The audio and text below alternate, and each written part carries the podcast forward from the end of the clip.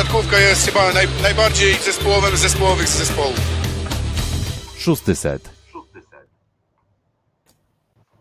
Nie tylko powróciła Plus Liga, ale też i powrócili kibice e, na trybuny i powróciliśmy też my. E, Filip był w Lublinie i w Olsztynie, e, przepraszam, w Olsztynie, nie w Olsztynie, w Iławie. A w Iławie byliśmy też ja i Kuba, więc mieliśmy możliwość śledzenia tej pierwszej kolejki. W Olsztynie też byliśmy.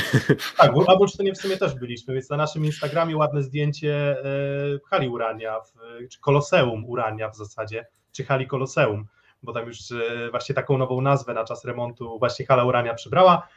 No ale mnie to nie tylko o hali Urania, ale też o tym, co się wydarzyło na parkietach również tych miast, w których o właśnie, proszę, piękna grafika e, na start, czyli to jest właśnie tak, jak tak wygląda hala Urania obecnie, nie wiem czy pamiętacie, ale hala Urania miała kopułę, teraz tej kopuły e, nie ma, nie widać, została już usunięta, została usunięta, w trakcie usuwania doszło do jakiegoś tam małego e, incydentu, że jeden robotnik spadł z rusztowania, więc nie wiemy do końca, czy ta rozbiórka przebiegła tak, jak powinna przebiegać, ale byliśmy tam, żeby zobaczyć, jak ten ślad historii przebiega. No ale nie o uranii, nie urania jest naszym kluczowym tematem e, nagrania. Dzisiaj, e, dzisiaj tym naszym tematem jest otwarcie plus ligi, no i o tym otwarciu plus ligi z kibicami opowiem ja, czyli Piotrek ze studia w Warszawie ze studia w Rzeszowie Filip Korfanty, cześć. I też z Warszawy, i też byłem w Lublinie, i też byłem w Iławie, Kuba. Cześć. Nie, w Lublinie cię nie było. W Olsztynie, oczywiście. W Lublinie, Sprawdzałem waszą czujność. Jedynie, jedynie, odebrałeś, jedynie odebrałeś razem ze mną Filipa z dworca zachodniego. Tak jest. W Warszawie. Jak nie w Lublinie, Filip, może o to chodziło. Jak z Lublina Filip wracał. E, dobra, skąd, wystarczy tej naszej e, małej prywaty, chociaż na pewno o tych naszych odczuciach też z debiutu e, siatkówki w, na poziomie plusligowym w Iławie, bo do tej pory tylko sparingi Indyk Polaze też tam czasem grał, czasem, jeżeli dobrze pamiętam, Puchary Polski, um, ale zacznę od takiego pytania otwartego. Stęskniliście się za Plus Ligą? Ten sezon reprezentacyjny jednak trochę nas dojechał wszystkich chyba chyba nie do końca tak to miało wyglądać, więc w końcu wracamy na to nasze bezpieczne poletko, bo my nigdy nie ukrywaliśmy, że chyba najlepiej się czujemy jednak w tematach siatkówki klubowej. No duża rzecz, powrót kibiców na trybuny, wspomnieliśmy o tym nawet w tytule transmisji, jest to moim zdaniem bardzo istotny aspekt widowisk ligowych i ja osobiście się bardzo za tym stęskniłem, czyli za tumultem hali. Akurat byłem w Lublinie, widziałem mecz otwarcia plus ligi, tam ponad prawie 3,5 tysiąca widzów, a może nawet lekko ponad, czyli bardzo e, gromko, bardzo mm, gwarno było tam w Lublinie. E, dobra atmosfera do grania w siatkówkę. Mm, później byłem właśnie dzień później w Olsztynie, czyli znaczy w Wiławie właściwie na, na trybunach też było mnóstwo ludzi, było głośno, gwarno, więc klimat do oglądania siatkówki jak najbardziej e, utęskniony przeze mnie, także no tak, ja się stęskniłem. Wiesz, to jest trochę tak, że sezon reprezentacyjny jest krótki, a bardzo emocjonujący, bo gdzieś jednak trochę inne emocje bierze się z graniem w fazach pucharowych, a inne w fazach grupowych. No i dużym plusem czy minusem rozgrywek ligowych jest to, że ta faza zasadnicza jednak jest dosyć spokojna, co by nie mówić, prawda, że to jest zawsze tylko jeden mecz, y, że weryfikujemy coś na pewnym dłuższym okresie czasu i na pewno to jest duży plus rozgrywek ligowych, że one ruszyły. No Piotrek, widziałeś mecz w Olsztynie e, swojej drużyny, której kibicujesz od lat, nawet byłeś w sektorze klubu kibica. No i nie ma co porównywać tej porażki do tego samopoczucia po meczu z Francją Polski, prawda? To jest tylko początek tej wielkiej przygody z tym sezonem Plus Ligi i jak w przypadku każdego z sezonów trochę uczymy się tego, żeby nie wyciągać zbyt daleko idących wniosków. Bo wszyscy dobrze wiemy, że najlepiej sprzedają się radykalne tezy, czyli generalnie powinniśmy powiedzieć, że wszyscy się nadają albo do tarcia chrzanu, albo nadają się do fantastycznej gry o medale. E, a prawda jest taka, że w zasadzie do, nie wiemy, czy mierzyły się w tych naszych spotkaniach pierwszej kolejki plusligowej um, drużyny w meczu, które zagrały bardzo dobry mecz i bardzo słaby mecz, czy mecz bardzo słaby i słaby, ale drużyna mniej słaba wygrała.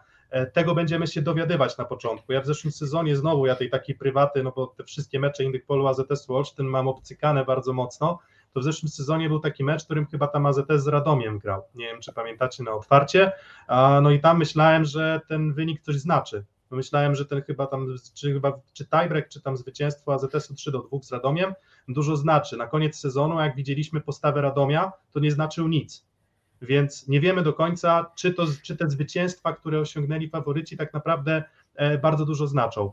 Mm, w trakcie, jak będziemy rozmawiać o wszystkich tak naprawdę spotkaniach Plus Ligi, na o niektórych będziemy mówić troszeczkę dłużej, o niektórych na pewno krócej, e, już możecie głosować w naszych ankietach. To będą takie krótkie ankiety, żeby trochę Was zaktywizować i też dowiedzieć się, jakie jest Wasze zdanie i na ile uważnie śledziliście i zobaczymy, czy się, e, czy się zgodzimy z E, typami. Na początek ankieta właśnie kto MVP meczu otwarcia Plus Ligi w Lublinie, tak, gdzie Luk Lublin, zaznaczamy nie Luk Politechnika, a Luk Lublin e, zmierzył się właśnie z drużyną Jastrzębskiego Węgla, z drużyną właśnie tych zawodników czterech, których macie do wytypowania. Fornal, Wiśniewski, Toniutki i tak wy, wybór subiektywny, jeżeli uważacie, że który inny zawodnik powinien dostać tym MVP, no to po prostu napiszcie na, e, napiszcie na czacie i, i po prostu będziemy też oczywiście doceniać, jeżeli wasze typy będą też potwierdzone jakimiś tam wywodami logicznymi, tak jak my będziemy starali się je udokumentować. No więc mecz otwarcia, Luk Lublin. Filip, ty już opowiedziałeś co nieco o atmosferze. Mm, sporo kibiców na trybunach, tak? Więc widać, że te pierwsze mecze Beniaminków zawsze zainteresowanie w tych miastach budzą, tak? To, to, to zawsze jest, zazwyczaj tak jest, że mm, czy to jest kwestia zobaczenia nowej hali, zobaczenia nowych zawodników, a tutaj też zobaczenia mistrza Polski, no bo właśnie Jastrzębski Węgiel też się zaprezentował na boisku. E, no dokładnie. I Jastrzębianie w sumie zagrali poprawny bardzo mecz z wyjątkiem tego jednego trzeciego seta, który przegrali, chociaż no, wydawałoby się, że padnie on łupem gładko dla Luk Lublin, ale z ośmiopunktowej przewagi w pewnym momencie zrobiło się już tylko dwa punkty, więc mało brakowało, a już po trzech setach y, widzowie z lubelskiej hali mm, e, jak Globus, taka nazwa, trzeba się też do niej przyzwyczajać, e, się będą musieli po prostu już ewakuować, bo nie będzie czego oglądać, ale udało się przedłużyć rywalizację Beniaminkowi do... Mogę otworzyć y, nasz show, nasz sezon na suchary? Jestem była, ciekaw, jestem ciekaw. Czy to była światowa siatkówka w hali Globus? Nie, to nie była światowa siatkówka. Myślę, że swoje mankamenty obie ekipy miały, e, bo to też nie było tak, że Jastrzębianie mnie zachwycili jako mistrz Polski, bo też swoje mankamenty w tej ekipie zauważyłem.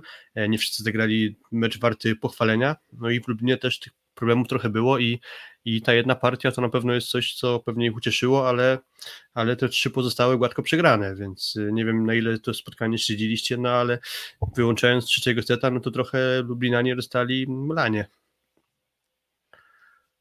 Kuba, oglądałeś to spotkanie, czy, no, oglądaliśmy je razem sobie początek? Nie, nie, oglądaliśmy je razem z Piotrkiem. Mm, no i ten mecz też ciężko wywołać pewne daleko idące wnioski. Na pewno zastanawiająca jest postawa Błoje, który w elemencie bloku wyglądał akurat bardzo dobrze, natomiast na wysokiej piłce się męczył.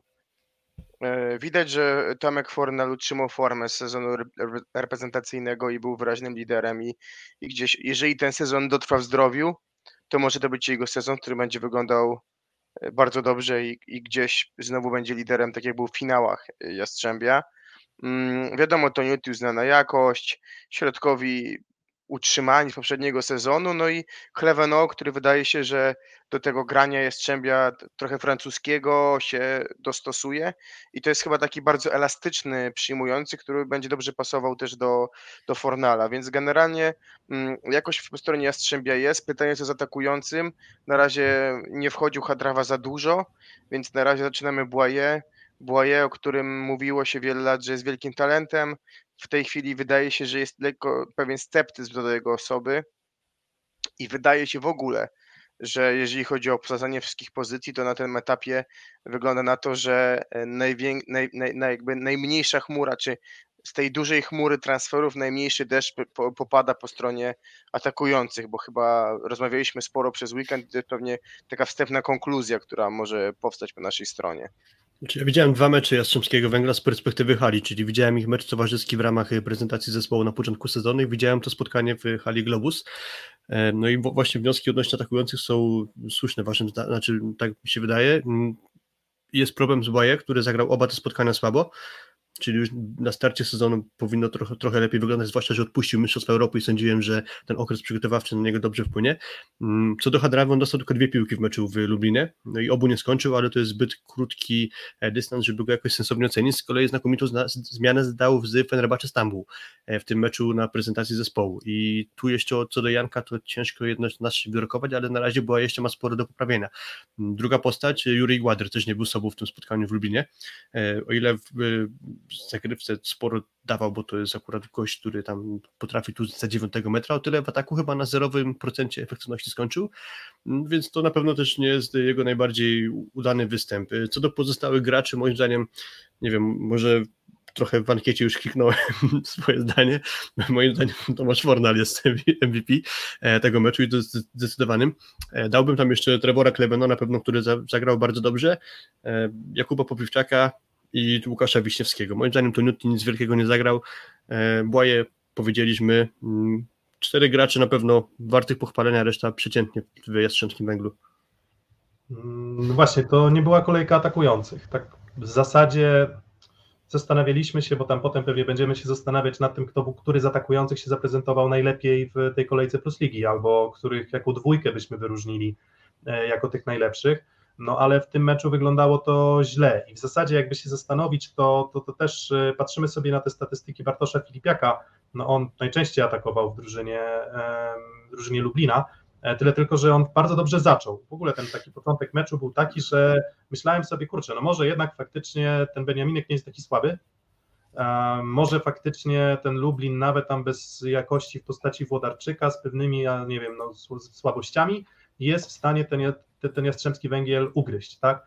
Mm, nie, no nie, nie byli w stanie, tak? Lublin wyglądał, wyglądał słabo i wydaje mi się, bo, bo, bo, bo ja się trochę tego spodziewałem, w sensie Wachnik grał nierówno, bo miał takie momenty, w których grał bardzo dobrze, miał takie momenty, w których grał słabo, no ale trochę się spodziewałem tego, no, że jednak jakość tych skrzydeł w Lublinie w zestawieniu Katic i Wachnik jest no, taka sobie, tak? No, Katic jest zawodnikiem, który no, nigdy tak naprawdę nie był pierwszą armatą, on był tą trzecią opcją w skrze, praktycznie zawsze, tak? W zasadzie, jeżeli grał troszeczkę więcej, to, to, to zawsze był tym zawodnikiem no, od zabezpieczania przyjęcia. No i ten element przyjęcia i zagrywka może i wyglądała nieźle, mm, ale mm, Filipiak, czyli był zawodem, znowu, nie, nie, wiemy do końca, czy może Jastrzębski Węgiel nie ma atutu w postaci bloku, no bo wiemy, jak dobrze gra na bloku Fornal, wiemy, jak dobrze grają środkowi, fantastyczny mecz Błaje, więc też nie wiem, na ile reprezentatywne są te liczby, to, to, to jak wyglądało to na boisku, jeżeli chodzi o Lublin.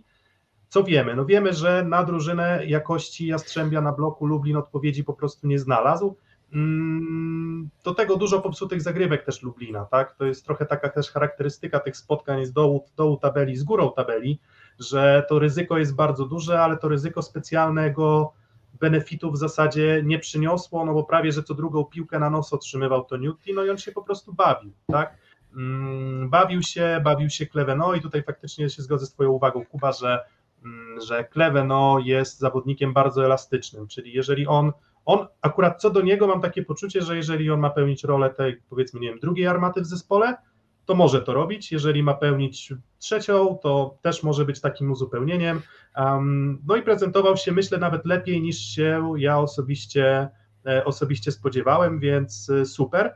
Co do Błaje, Błaje zagrał mecz moim zdaniem dokładnie taki, jaki grał w ostatnich sezonach w lidze włoskiej. Mm, zagrywki też, bo, bo, bo, bo blok super, ale no, tak jak się śmieliśmy trochę z Mariusza Blazłego, tak w cudzysłowie śmieliśmy w poprzednim sezonie, że często było tak, że jeden element działał albo dwa elementy z trzech, no to u Błaje działał jeden, tak, bo a w ataku wyglądał no, bardzo źle i na zagrywce też wyglądał bardzo źle. Mm, no i jeżeli sobie pomyślę o atutach Hadrawy, czyli właśnie zagrywce i jednak większej kontroli ataku, to, to, to, to no spodziewam się tego, że on trochę może pograć w tym sezonie. Z drugiej strony, no pytanie, czy tam nie będą wchodziły jeszcze kwestie takie, wiecie, mentalne, na zasadzie trójka Francuzów i oni będą grać, bo się dobrze ze sobą dogadują i się dobrze znają. Zobaczymy.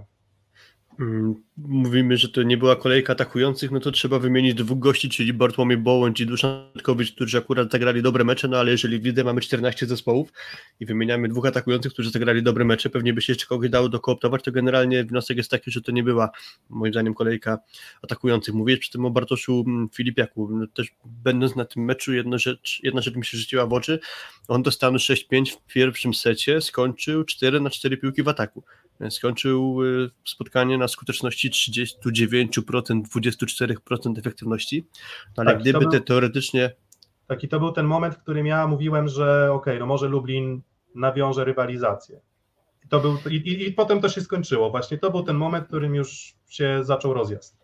Tak, cztery, punkt, cztery ataki skończył Bartosz Filipiak na cztery piłki, po czym zaczął się jego zjazd, więc z tego 39% skuteczności, gdyby mu ten sam początek meczu, teoretycznie dość łatwy e, moment e, spotkania odliczyć, to by kończył na 32% skuteczności, 15% efektywności, zepsuł 5 z 9 piłek, więc to akurat jest mankament Lublin. No i druga sprawa, o której chciałem przy tym jeszcze powiedzieć, mówić o tej skuteczności ataku. No i widziałem, tak się składa, trzy spotkania na żywo z perspektywy hali Lublina. Widziałem ich sparring z Resowią, sparring z E, Stalu Nysa i widziałem właśnie ten mecz ze Strzemskim Węglem i to jest właśnie moim zdaniem głównym ich mankament, czyli skuteczność ataku skrzydłowych. Nie ma, cały czas musimy pamiętać Wojciecha Włodarczyka, który zdaniem trenera Daszkiewicza będzie podstawowym graczem i ja sądzę, że to może być największa wartość w ofensywie. Mm, jako najbardziej powiedzmy równy gracz i też grający po prostu w ataku dobrze, bo Wachnik o ile ma potencjał spory ofensywny, to jednak ma duże wahania dyspozycji na dystansie nawet jednego meczu, czyli on potrafi jakąś piłkę na zasięgu złapać i kapitalnie gdzieś zmieścić po ciasnym skosie, po czym w tym samym meczu daje się 6 razy zablokować. Więc siłą rzeczy jego wartość w ataku mm, spada. Jeżeli mamy Milana Kacicia, jeszcze tam Jakuba Peszko, to nie są gracze z wajchu przesuniętą w kierunku ofensywy. Jeżeli Filipiak będzie grał tak jak grał akurat ze Strzębiem, no to ciężko będzie bardzo zbilansować y, drużynę, jeśli chodzi o atak.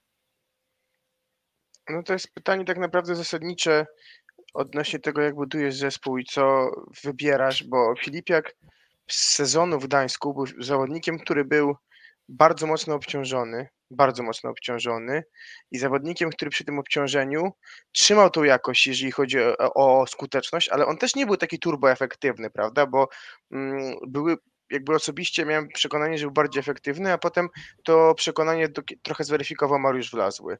Więc mhm. e, to też jest taka kwestia o to, czy samym Filipekiem Wodarczykiem Lublinowi wystarcza tyle jakości. Z drugiej strony, jakby, co by nie mówić, no to jest pewne przekleństwo drużyn słabszych, zaczynają z bardzo wysokiego konia, tak? I też to nie pomaga, jeżeli chodzi o spokój w drużynie, a z drugiej strony nie pomaga nam wyciąganiu wniosków, no bo rywalem Lublina w tym sezonie ich celów nie będzie Jastrzębie, prawda? Mhm. Tak, będzie mm. po prostu spokojne utrzymanie, tak jak rozmawiałem z prezesem klubu e, no, przed spotkaniem, krótko przed spotkaniem, więc jakby po prostu chcą się spokojnie utrzymać. E, na razie to optymistycznie nie wygląda, bo cały czas nie ma właśnie Wojciecha Włodarczyka, wypadł im drugi rozgrywający, mm, testowali w tym tygodniu rozgrywającego, który był też w Jastrzębiu w fazie przygotowania do sezonu, czyli Hasan Nietural w przyszłym tygodniu mają testować kogoś innego, więc będą szukać po prostu jakiegoś jeszcze rozgrywającego, bo póki co są pozbawieni chociażby podwójnej zmiany. Także no, w Lubinie sporo problemów, na razie ta gra optymizmem nie, nie powiewa. Kalendarz pewnie do najprostszych nie należy, tak jak mówimy o Beniaminku, no i może być ten start sezonu dosyć ciężki. Dobra, um, widzę, że tutaj właśnie głos Marco Fu, nasz znany, wierny fan, ufamy jego ocenie, jeżeli za długo dość przewidywalny, minutny mecz, no to faktycznie a jeżeli mamy zmieścić wszystkie mecze kolejki, no to faktycznie możemy się już chyba przesunąć w kierunku kolejnych spotkań. W takim razie tylko jedno zdanie o Lublinie, bo cały czas ganimy, no to zawsze, Dustin Zawsze jest to jedno zdanie. No bo ja zawsze muszę to dokończyć. e, bo tak cały czas niezbyt optymistycznie co do tego Lublina, więc może tylko jedno zdanie pochwały. Dustin Watton zasługuje na pochwałę za to spotkanie i tyle chciałem powiedzieć.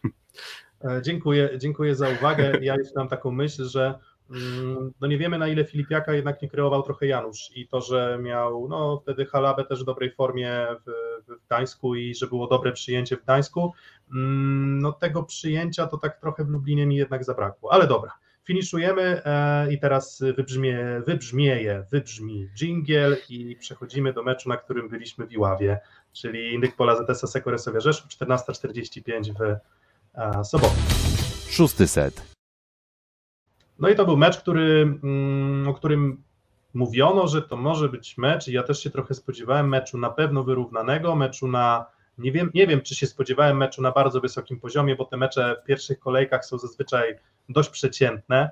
Mm, nie wiem, czy się spodziewałem dobrego meczu, biorąc pod uwagę problemy z przygotowaniem tak naprawdę obu drużyn, bo zarówno Resowia nie miała komfortu przygotowań z uwagi na bardzo liczne grono kadrowiczów grających do samego końca. No i Indek Pola ZS, który praktycznie przez, y, no nie wiem, no 60% czasu przygotowań musiał albo grać Jakupiszakiem na przyjęciu, albo musiał grać Tunaitisem rotującym właśnie z, jak, z Jakubiszakiem, tam bardzo dużo kombinacji było, więc nie spodziewałem się bardzo dobrego meczu, ale no spodziewałem się meczu bardziej wyrównanego, a tego meczu wyrównanego nie, nie zobaczyliśmy, ale zanim o samym meczu, no to jak oceniacie perspektywę hali w Iławie? Bo ja się trochę obawiałem, że to będzie taka mm, klitka, w sensie, że to będzie takie poczucie bardzo mocno z sali gimnastycznej, e, w której piłki będą co chwilę obijać się o sufit, a nie było chyba ani jednej sytuacji, w której piłka po obronie uderzyłaby o sufit hali, więc ta hala wydaje się być wystarczająco wysoka, a do tego no jest to hala kameralna, hala niewielka, ale, ale z perspektywy hali oglądało się ten mecz, myślę, całkiem przyjemnie. Trybuny dosyć blisko boiska i też dosyć pionowo usytuowane, więc mimo, że jak się wchodzi do hali, to nie ma się wrażenia, że to jest jakiś wielki obiekt gabarytowo, może bardziej bym powiedział, że trochę klaus... znaczy nie, nawet nie jest klaustrofobiczny i faktycznie mimo tych niewielkich rozmiarów, to w grze w siatkówkę ściany niespecjalnie przeszkadzały, bo tak jak powiedziałeś, ja nie zauważyłem ani raz, żeby piłka trafiła w sufit, jest trochę miejsca do bronienia, nie z obu stron, ale, ale trochę tych e, miejsc obok boiska jest, e, więc moim zdaniem wrażenia pozytywne.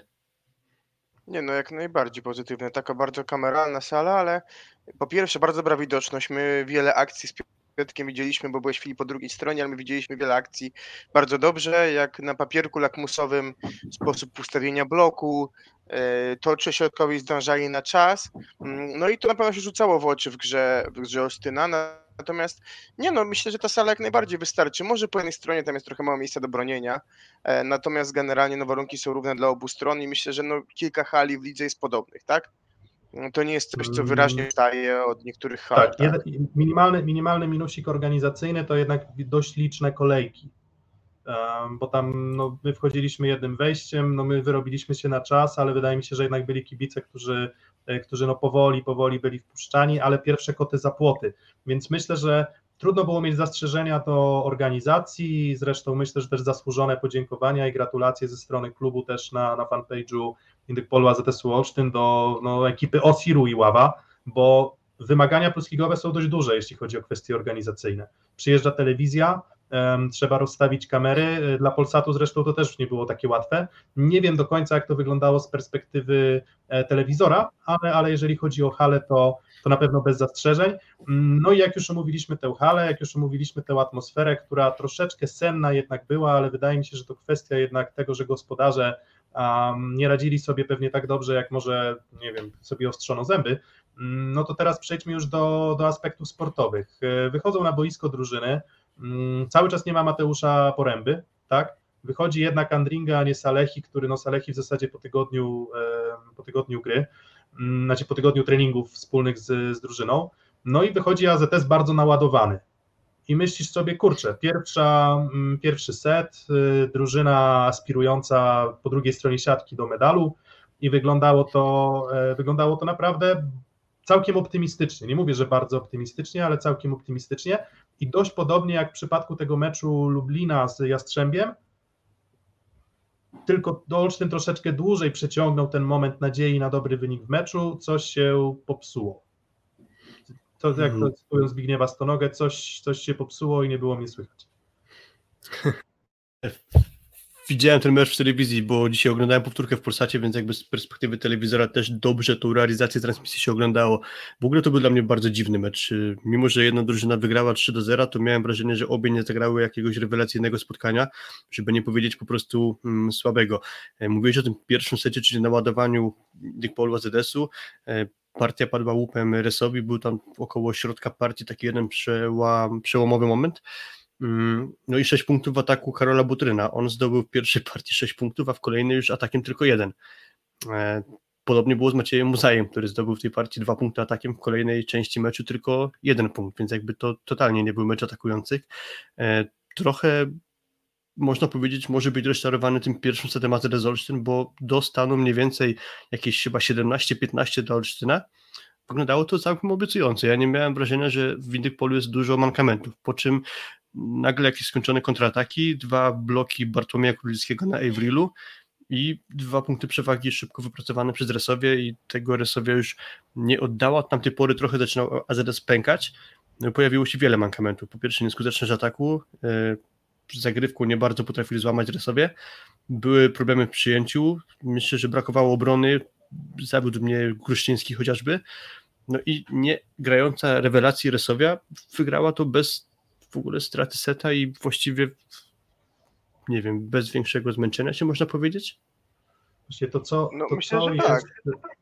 Właśnie to co, to, co było według Was tym, no nie wiem, no problemem takim największym, albo problemem, od którego e, te, te, te, te, te sportowe mm, kłopoty Olsztyna się zaczynają, czyli taki ródkos e, tych wszystkich problemów. Bo, No to chyba jednak mam proste, prawda? No przyjęcie chyba, co? Bo, bo, bo trzeba oddać Resowi, że, że, że mocno, mocno tą zagrywką e, pracowali Mm, i trzeba przyznać, że AZS, te wskaźniki przyjęcia są czasem trochę mylące, bo potem myślisz sobie, no dobra, no tam połowę piłek przyjęli pozytywnie, no ale te piłki negatywne możesz przyjąć na ósmy metr i możesz gonić tę piłkę i próbować ją przybijać albo być zmuszonym do przybicia za darmo, a możesz jednak ją dociągać do siatki. Ja jednak miałem takie poczucie, że mm, i teraz nie wiem, bo teraz znowu nie wiem, czy to jest kwestia konkretnego zestawienia przyjęcia, ale wydawałoby się, że jednak para, znaczy tercet Gruszczyński, Andringa i Defalco, jeszcze bez Salechiego, powinien mieć te przyjęcie, mm, powinien, mieć, powinien mieć to przyjęcie lepsze. A przyjęcie było no, bardzo złe i coś, co mnie chyba osobiście najbardziej rozczarowało, no to jednak postawa Jędrzeja Gruszczyńskiego, bo tak trochę sobie ostrzyłem też zęby znowu na, i na dobrą postawę AZS-u jako drużyny, ale też i, że poszczególni zawodnicy będą prezentować się lepiej, a Gruszczyński był bardzo rozchwiany w tym przyjęciu, tak, i na pewno, na pewno nie pomagał. Potem doszły problemy Defalco z przyjęciem Flota, no i też może on jeszcze tego nie potrafi, może był zaskoczony, tak, tym, że jednak w lidze włoskiej, gdzie serwuje się pewnie bardziej siłowo i ten flot to jest charakterystyka polskiej ligi, więc to przyjęcie wyglądało źle, a na domiar złego, no Jan Firley, jak jeszcze w pierwszym secie kilka cacuszek posłał na drugą stronę, czy na, na, na, do skrzydeł na przykład, czy do Defalco, czy do Butryna, mm, no to, no, to, no to po prostu zgasł, zgasł zupełnie i ten drugi set już fatalny i te jakieś tam też problemy zdrowotne bezpośrednio przed sezonem, być może one też wpłynęły na jego, e, na jego dyspozycję, nie chcę go tłumaczyć, ale, ale też nie wyglądało to, to specjalnie dobrze. Nie no, generalnie to trzeba sobie powiedzieć otwarcie, że e, co, co, co Flot, Flot, tak naprawdę Flot w dużej mierze zdawał o tym, bo mm, oczywiście też były momenty, kiedy Flot, może inaczej, różnorodna zagrywka Resowi, Tak, tak? właśnie, zmienność. był flot, zmienność. E, Królickiego, który w ogóle wiesz, z perspektywy trybun nie wygląda tak trudny, jaki był, a tak naprawdę on zajechał nim Defalco. E, Do tego dochodziły skróty Fabiana Drzyzgi, dwie zagrywki punktowe na Salechim. Takie, a wiemy, że Fabian no, z zagrywką od sezonu reprezentacyjnego jest y, na bakier, a mimo tego dwa, dwa asy. Maciej Muzaj chyba pięciokrotnie punktujący z pola serwisowego i to też raczej zagrywką lżejszą niż trudniejszą, a może inaczej, różnorodną, bo drugi set skończył mocnym zagrywką Gruszczyńskiego, w trzecim secie te dwa skróty po taśmie, można mówić o szczęściu, no ale wydaje się, że jednak w tym polu zagrywki wielkie, wielką krzywdę robili, robili Oszczynowi. Wszedł Jankiewicz, dużo entuzjazmu, dużo energii wniósł, momentami przez moment z Janem Królem to trzymali i z Salechim, no ale znowu na długiej fazie, znowu po 16 punkcie Resowia skakiwała i też w dużej mierze dzięki swojej właśnie zagrywce, bo w pierwszym secie też pomógł Bucki, więc duży problem Olsztyna w przyjęciu. Bez tego wydaje mi się gry, który lubi na przykład Defalco czy Butryn, czyli szybkiej, niskiej, prawda, na lotnym bloku, będzie ciężko grać. No i nie ma takiego kogoś jak Koj, mam wrażenie, w, w Olsztynie, kto będzie takie wysokie piłki bardzo e, dobrze sobie z nimi radził, tak?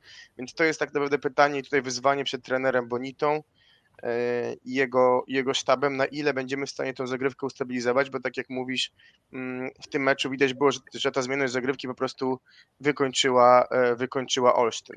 No myślę, że potencjał do kończenia wysokich piłek największy widać w Mejsamie Salechim, tylko z kolei tutaj trochę będzie szwankować przyjęcie ewentualnie, więc jeżeli No, ale no tak, no jeżeli grał Andringa i grało, wyglądało słabo przyjęcie, no to jak będzie wyglądać przyjęcie z Mejsamem Salechem i z TJ-em Defalco jednocześnie na boisku. Mówiliście o odmienności zagrywki to jest dla mnie kolejny aspekt, o którym muszę powiedzieć, że wykazał dziwność tego spotkania. Przecież Muzej zrobił pięć asów serwisowych, a pamiętacie pewnie te asy z trzeciej partii, gdzie obie zagrywki punktowe to były piłki, które się przetoczyły po taśmie.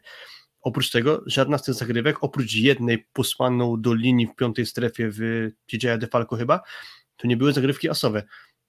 I też chociażby te skróty drzyzgi, może ta pierwsza w Salekiego to była świetna zagrywka, bo gdzieś sam narożnik przy siatce piłka sparła, ale ta druga raczej nie powinna skończyć się asem, więc mimo, że ta statystyka asów wyglądała dla Rysowi dobrze, to raczej wynikało moim zdaniem po prostu z indolencji przyjmujących Olsztyna, a nie z jakości zagrywki Rysowi. Mówię o punktowych zagrywkach, bo to, że generalnie Rysowa serwowała mocno, to myślę, że jest fakt, ale to niekoniecznie powinno być aż tak mocno punktowe, jakby takiej ilości punktowe zagrywki.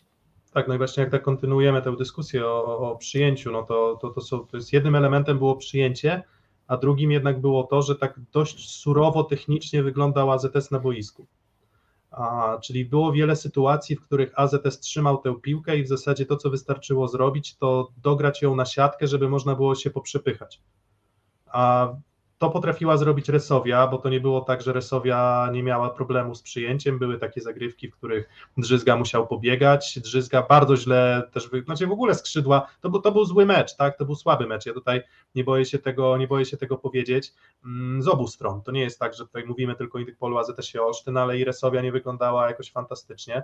Mm, I Drzyzga gubił tempo wystaw do lewego skrzydła bardzo. Zresztą to taka trochę jego charakterystyka na początek sezonu jest, mam wrażenie, i reprezentacyjnego, i klubowego że, że on potrzebuje chwili, żeby te, te, te wystawy do lewego skrzydła dograć. Mm, I, no i tutaj faktycznie czy Dero, czy, czy Czebul po prostu trochę swoją techniką użytkową, pracą z blokiem i tym, że po prostu mieli możliwość wykonania ataku, a wygrywali.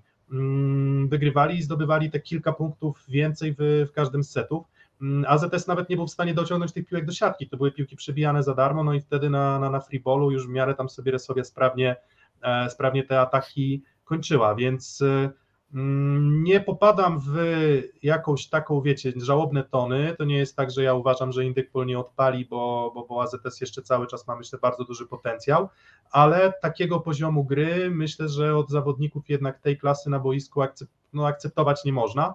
Mm, no i, no i myślę, że sami zawodnicy doskonale sobie z tego zdają sprawę. Myślę, że trener też sobie zdaje z tego sprawę. Jest czas na trening, i z każdym treningiem, z każdym tygodniem nawet ta linia przyjęcia powinna być dużo, dużo bardziej stabilna, mm, bo jak czytałem te wypowiedzi niektóre, czy tam na forum strefy, czy na Twitterze, że AZS to miał komfort przygotowań, no nie, nie miał, bo w zasadzie cały kręgosłup zespołu w postaci przyjęcia tydzień ze sobą trenował może? Więc e, no i jeszcze pipe, nie pipe, nie wiem czy mówiliście, ale pipe. Tak, pipe, pipe, fantastycznie, nie, ale to fantastycznie. Mieliśmy inne określenie, ale określę, że dużo krzywdy robiła Resowia. Tak. Dużo krzywdy Resowia robiła Pipem. Myślę, że to może być duży atut, czyli też szybka wystawa Fabiana za linię trzeciego metra, czy to do Deroi, do mm, Czebula. Oglądałem powtórkę tego spotkania dzisiaj, więc sobie mogą to dobrze policzyć. W pierwszym secie ani jedna drużyna nie zagrała żadnego pipa, no ale drugi, trzeci set Olsztyn jeden udany na dwie próby, a Resowia 8 na 12 no to to jest spory dorobek punktowy właśnie w I zero bloków linii trzeciego metra. Tak, ani jednego błędu, ani jednego zaatakowanego, e, zablokowanego ataku właśnie z linii trzeciego metra, więc może środek jeszcze najlepiej nie funkcjonował. Najefektowniej to wyglądały te krótkie, krótkie z Bartłomiejem Królickim, ale on tylko trzy piłki dostał. Kozamyrnik trochę więcej, ale nie było to tak e, płynnie zagrane. No a Pipe robił wrażenie naprawdę, więc to może być duża broń Resowi. Mm, to zresztą wiesz, Idero świetnie lubi pipe i, i Fabian lubi grać pipe'em, więc mhm. no, co do Olsztyna, że... co do Olsztyna, tak w sumie trochę zgadzam się z Piotkiem, że nie ma też co wyciągać daleko idących wniosków, bo równie dobrze może się skończyć to tym, że to był po prostu wypadek przy pracy. Dla mnie to nie jest normalne, że Butren gra znakomite spotkania przez kilka meczów sezonu przygotowawczego, a nagle przychodzi jeden mecz i gra dramatycznie. Sześć punktów w pierwszym secie, jeden w dwóch pozostałych setach. Więc to równie dobrze może być po prostu wypadek przy pracy. No właśnie, i teraz jeszcze, jeszcze jeden element y, gry AZS-u, jeszcze zanim tam sobie przejdziemy tak krótko do rysowi, no to faktycznie ISG na, e, na, na komentarz na czacie, że gdzie byli środkowi, tak? Albo gdzie był środkowy indyk polu AZS-u Taylor Avril. Mm, Trzy bloki punktowe Bartka Królickiego, wszystkie na Averilu właśnie.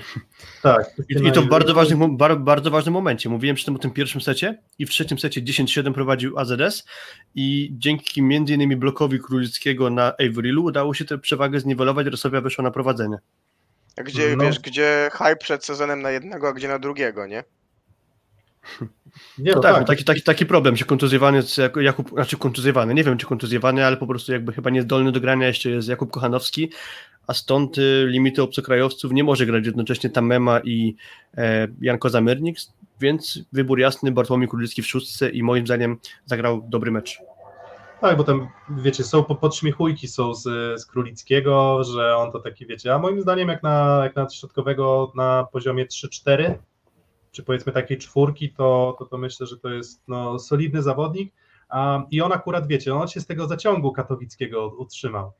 Pamiętacie, jak tam przychodzili za gruszki, no to Królicki przyszedł z gruszką i Królicki został i, i, i śmieję się, no może takim Łukaszem Perłowskim być, tak, że jak wejdzie, No to jest najlepsza czwórka.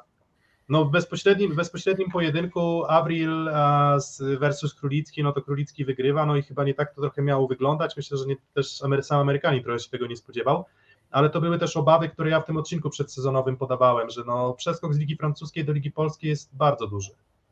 Tak, i ja nie wiem do końca, czy mm, nie wiem do końca, czy to jest kwestia, może mówię, może jeden mecz, ale strasznie pogubiony na bloku był, bo to, to, to było, to, to mnie bolało, tak? Bo tam to, że dostał dwie piłki za nisko od Firleja i skoczył mu Królicki po pachy i nie miał w zasadzie za bardzo przestrzeni, no to bywa, w sensie bywa, no to ten w ataku, no to co, no to nie on był armatą główną w tym meczu AZS-u, mm, ale jeżeli chodzi o, jeżeli chodzi o blok, to... Dziury. To, to, to, dziury, dziury, ogromne dziury, spóźniony bardzo, i nawet pomimo tego spóźnienia w sumie Resowia no, nie była w stanie tego do końca wykorzystywać, tak?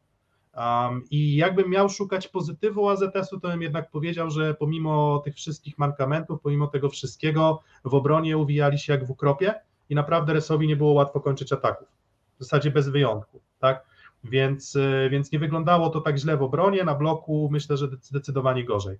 Mm, No dobra, no a teraz y, Resowia. Wychodzi Dero, wychodzi Czebul, wychodzi Fabian Drzyzga, e, Maciej Muzaj, no i właśnie Maciej Muzaj to chyba ta postać, na której można się na chwilę skupić.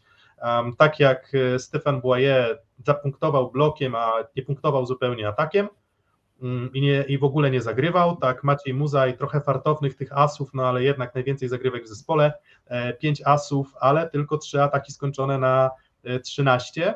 Mm, Chociaż tak się wydawało z perspektywy tego widowiska, że to nie, nie myślałem, że to jest aż tak zły jego mecz statystycznie i ty Filip chyba też byłeś zaskoczony, gdy ci powiedziałem po meczu, że słuchaj, Muzaj skończył tam trzy piłki na 13 tylko.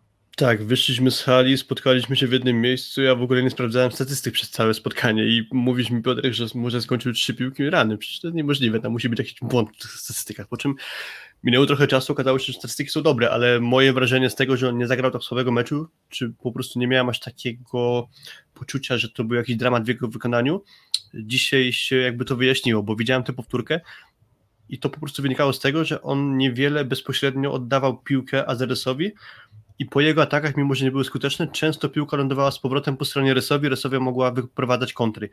Więc to nie było tak, że jak Muzej nie kończył ataku, to kończyło się punktem Olsztyna. Resowia po prostu ponawiała ataki. I to było moje właśnie wrażenie, że to nie był dramatyczny mecz Macieja Muzaja, no ale skuteczności atakującego, tak czy tak, wymagałbym po prostu trochę więcej. Dokładnie, bo to wiecie, to nawet jak weźmiemy pod uwagę, że tam była jedna akcja, w której on pięć razy atakował i za każdym razem ponawiał piłkę, no to Za każdym wiecie, razem miał inną piłkę, niewygodną mega. Jeśli, kurczę, no ale 3, 8, 3 na 8 to też tak słabo. I Ale żadna dyszlem chyba była. Chyba wszystkie, nie, wszystkie górą były dogrywane. I zero, I zero efektywności. No nie, no ale no nie, no nie, nie wyglądał, nie wyglądał dobrze i, i, i zresztą no, skrzydła Resowi wyglądały tak sobie. No poza Dero, powiedzmy sobie szczerze, on chyba pokazał też parę zagrań, które pamiętamy z ligi, e, bo to wydaje mi się jest z takiego grona przyjmujących. Ja nie jestem w stanie tak naprawdę o nim powiedzieć, czy jest bardziej defensywny, czy ofensywny, co jest moim zdaniem jego dużym atutem. I druga rzecz, to jak on gra yy, po ciasnym skosie. E, tak jest, to jest absolutnie, nie wiem, czy- Kudr Lord jesteś z Legnicy? Bo generalnie no, to jest jakby pozdrowienie ludzi z Legnicy, natomiast sobie nie mówić, no to, no to zaraz przyjdziemy do Muzaja, to już tak kończąc, Dero zagrał ok, a Muzaj wszystko dobrze jest w porządku, prawda? Dobry przekaz leci. Nie, no nie, no nie, no nie, był, to dobry, nie był to dobry mecz Macieja Muzaja, no nie, nie, nie, nie, po prostu chcemy rzucić trochę inne światło na ten jego występ, tak, ale, ale, ale no tutaj to wiadomo, Zobaczyć tak, tak, zwane, zo- tak zwane zobaczyć niewidzialne.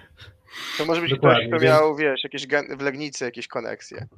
Skoro Tak, więc Dero też miał ciekawą statystykę przyjęcia, bo tak właśnie to mówiłem o tej jego wrażliwości na, na, na, na- przyjęcie, no to on tak przyjmował zero-jedynkowo, albo przyjmował bardzo dobrze, albo popełniał punktowe, punktowe błędy, więc y, ten wybór Fabiana Drzyzgi na, na MVP meczu to, to trochę z braku laku, bo ja bym może, nie wiem, właśnie ankieta, właśnie, Drzyzga, zakończ ankietę, Fornal 87%, więc bez zaskoczenia chyba. Um, no i teraz ankieta, kto MVP meczu Resowia AZS. E, Ja jednak właśnie chyba Królickiego bym wytypował, no bo te jego punkty ważyły po prostu. Królickiego?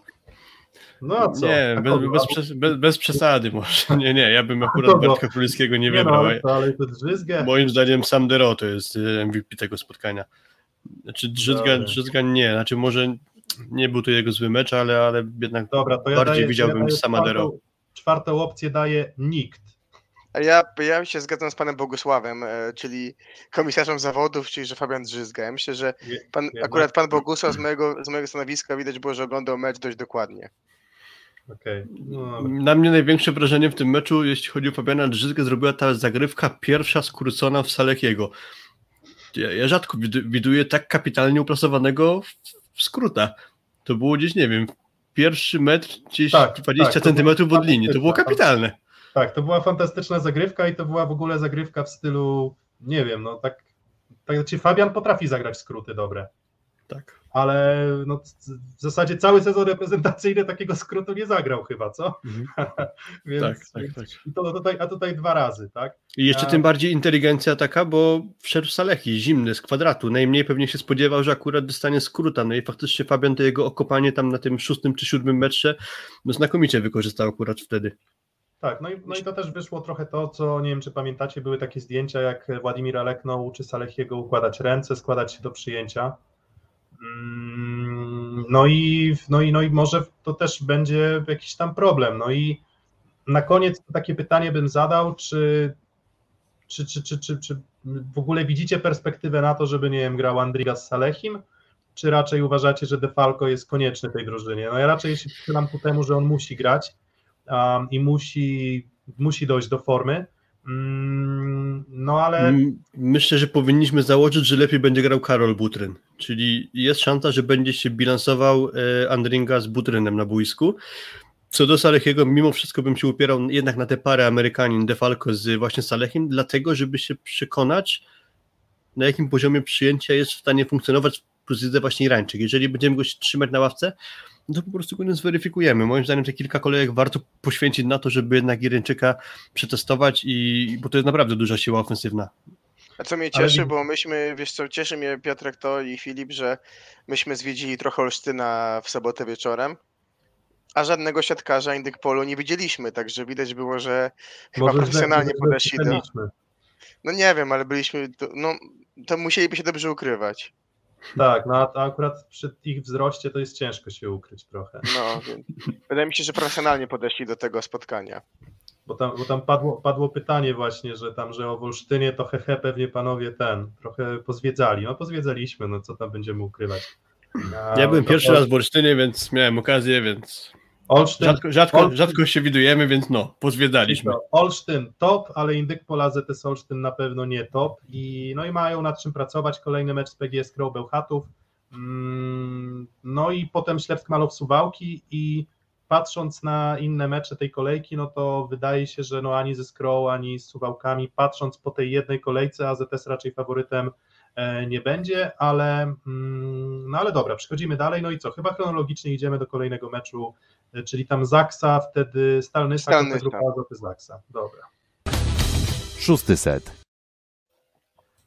Um, bez niespodzianki, tak? W sumie bez niespodzianki Jastrzębie, bez niespodzianki Resowia, chociaż no tutaj akurat zwiastowano tę, a, tę niespodziankę, ale bukmacherzy tym razem oszukali wszystkich i wygrali, bo, bo, bo, bo, bo wytypowali, że Resowia była zdecydowanym faworytem. Zdecydowanym faworytem na pewno też była grupa Azoty Zaksa. No i jeżeli ja miałbym tak jednym zdaniem streścić, to z tej takiej trójki, którą ja tam przed sezonem wskazywałem do, do, do, walki o złoto czy do walki o medale, Mm, to wydaje mi się, że Zaksa była drużyną zdecydowanie najlepiej ułożoną. Nie mówię, że indywidualnie każdy z zawodników zagrał bardzo dobrze, ale, ale, ale jeżeli chodzi o to, jak ten jako system funkcjonowała drużyna, no to w zasadzie wchodzi pierwsza kolejka i Zaksa już wygląda dobrze. Tak, Zaksa wyglądała jak Zaksa, można w skrócie bardzo powiedzieć. I tu jest komentarz już Janusz Top. Tyle faktycznie Marcin Janusz wygląda jak jakby od lat w tej drużynie funkcjonował, może lekko na wyrost powiedziane, ale naprawdę to jest imponujące, jak on już funkcjonuje ze swoimi skrzydłowymi, chociaż na razie akurat ten mecz Aleksandrowi Szliwce chyba nie wyszedł, tak e, lekko to nazywając, e, no ale z kolei Kamil Semeniuk jest znakomicie. Mm, ja jestem jakby zbudowany postawą Marcina Janusza i tym, jak szybko zaczął dobrze w tym kędzierzyńskim systemie działać, bo to nie mówimy tylko o tym spotkaniu ze Stalą Nysa, ale też w tych, o tych przedsezonowych sparingach. Mm, ja też długo jest w drużynie, wyglądała dobrze. Długo jest w drużynie. No tak, to, że on nie był na kadrze, to akurat pozwoliło mu się względnie dobrze do sezonu przygotować. No i tak samo obecność trenera Kretu, który nad tym wszystkim musi trzymać pieczę, czyli nie wiem, gramy w taki sposób, taki sposób, taki sposób. Nie można trenować wszystkiego, tylko trzeba po prostu wiedzieć, co się chce osiągnąć. Więc te akurat y, elementy kędzierzyńskiej układanki już na starcie wyglądają po prostu dobrze i Stalnysa tu za wiele do powiedzenia nie miała. Też widzieliśmy zastępstwo Zatorskiego, czyli Erik Szodzi, no i wydaje się, że w tym, w tym trio polskim komponuje się. Troszeczkę parę razy był łapany jeszcze na, na przyjęciu, Natomiast no, przy takim wyniku, przy takiej grze y, nie był problemem. Jakby te jego dwa czy trzy poszczególne błędy nie były jakimś wielkim problemem. Mm, więc, a to też widać, że jest taka postać podobna do Zatorskiego, wiecie, pod takim kątem, takim y, jakby pracy z drużyną, jeżeli chodzi. Tak, Dobrego, dobry duch tak, drużyny, dokładnie, tak? Dokładnie o to chodzi, bo to, to, to widać. Więc, więc pod tym kątem podobnie, no nie dowiedzieliśmy się jak zastępstwo Zakochanowskiego, no bo Norbert Huber nie zagrał, zagrał Krzysztof Rajno. Właśnie może ktoś na czacie wie, dlaczego Norbert Huber nie zagrał, bo tam właśnie już pytanie, czy kto wie, ktoś wie, dlaczego nie grał Huber, a no był no, w ostatnim, w, no przecież w Memoriale grał, prawda, przedsezonowym, już tak na tydzień przed i to grał, I bardzo, grał top. dobrze. Grał top, więc e, nie wiem, ja, ja nie wiem, ja nie będę, nie, nie będę udawał, że wiem. Mm, właśnie, jeszcze kwestie formalne, jednak Samadero wybraliście jako MVP meczu Pola z Solsztyna Seko Resowia ale moja, moja mocna kandydatura, czyli NIK też była dobrze obstawiana, bo tam 40% głosów było też na, na nikogo, tak więc e, no to taki to był nie meczu. Że ciężko było, że ciężko było kogokolwiek, e, kogokolwiek wyróżnić.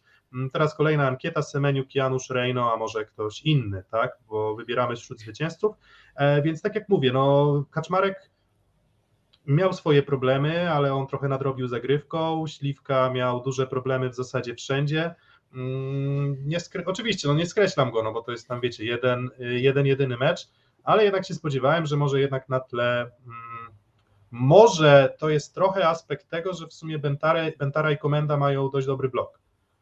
Tyle tylko, że ten sam Semeniuk radził sobie z tym blokiem, więc pamiętacie, że tam kiedyś się zastanawialiśmy przed Trentino, jak to jest z tą grą Olka Śliwki, jeśli chodzi o blok, ale no ale cały czas próbuje zdefiniować samego siebie, jak na razie ten pierwszy mecz nie pokazał mi nowego Olka Śliwki. Bez początek piwek, sezonu, początek sezonu myślę, że po prostu tak jak tu jest napisane w komentarzu, no, rozkręci się, tak? Ja myślę, że się rozkręci. No to, że mu jeden mecz na razie nie wyszedł, no to no, wielu zawodników jest w tej kolejce takich, że im mecz po prostu nie wyszedł. No też trzeba powiedzieć jedną rzecz, to, to wywiad Kamila Semeniuka.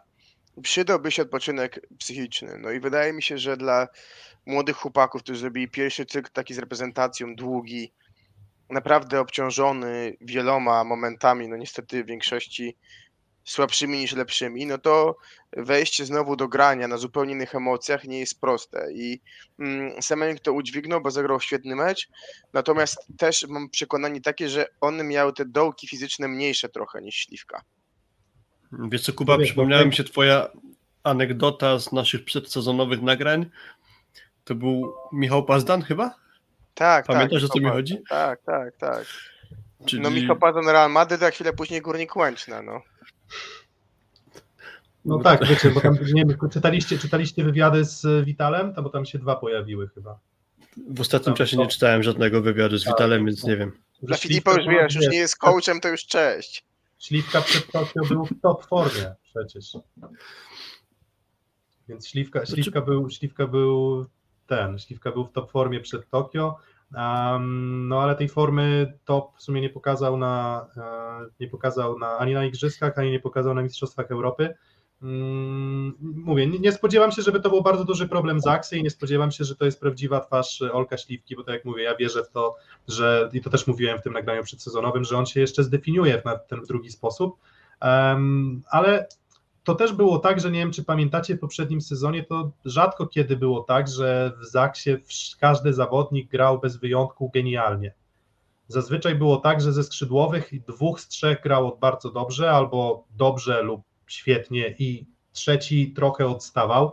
Mm, No i tak się zmieniali. Raz to Semeniuk, troszeczkę słabszy mecz, raz Kaczmarek. No dzisiaj trafiło, tym razem trafiło na śliwkę, ale jeżeli miałbym oceniać, tak odcinając właśnie to, co powiedziałem na samym początku tego naszego omówienia meczu, że jeżeli oceniałbym tylko to, jak uważam, że zorganizowana była drużyna, no to y, Zaksa i Projekt Warszawa to są dwie drużyny, które moim zdaniem najlepiej wyglądały w tym elemencie właśnie mm, organizacji gry. Więc pod tym względem to tam wszystko, wszystko było poukładane, te dogrania były na nos, Janusz w sumie wyglądał dobrze i nie wiem, to nie była wina Janusza, że Śliwka e, nie kończył. Mhm. No tak, ale generalnie chyba po prostu nie mamy jakiegoś wrażenia, żeby Zaksa jakiekolwiek problemy z tego tytułu słabszej gry śliwki miała i bez Tak, problemu to Kędzierzynianie tak, wygrali. tu, uwaga, e, Bo coś ci się mikrofon zwichrował.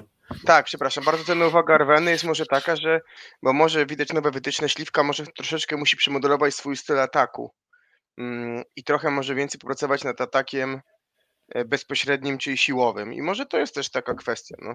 Ale on, który sparring oczywiście- zagrał bardzo dobrze, więc to nie jest tak, że on no, jakby nie jest w stanie nagle zagrać dobrego No spotkania. tak, Memoriał wyglądał dobrze, więc, więc wiesz, no kwestia przeciwnika może było, tak jak powiedział Piotrek Bentara i Komenda. Jeżeli chodzi o Stalnysa, to mieli najgorszego rywala, moim zdaniem, żeby na początku dać papier lakmusowy, bo zmierzyli się od razu z dobrym systemem.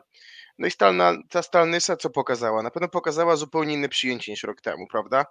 Bo przyszli Kwasowski, przyszedł Pęczew, no i wydaje się, że z tej drużyny jest Bućko, mm, no i Kamil Demski, tak? No i mamy, wydaje się, że I Ruciak. para y, i Ruciak, tak, ale Kwasowski i Pęczew ma być jako pierwsza. No i widać, że y, zapewne zapewniają trochę inną jakość przyjęcia, lepszą niż w poprzednim sezonie, tak? Doszedł Mitchell Stoll, no i mamy resztę zo- zostawioną, no. Mówię przyjęcia, lepszą jakość, a nie, no dobra, okej, tu kręcisz głową Piotrek słusznie. Od czasu, kiedy grała Przyński i Bućko, to przyjęcie już było okej. Znaczy nie, ja, ja Więc- kręcę głową na przyjęcie w meczu z Zaksą, bo akurat nie, nie wydaje mi się. Mm, Wydaje mi się, że właśnie Kwasowski, który właśnie był tak pompowany jako zawodnik, który miał tę stabilność przyjęcia zapewniać, to, to, to, to akurat no, zagrał bardzo zły mecz.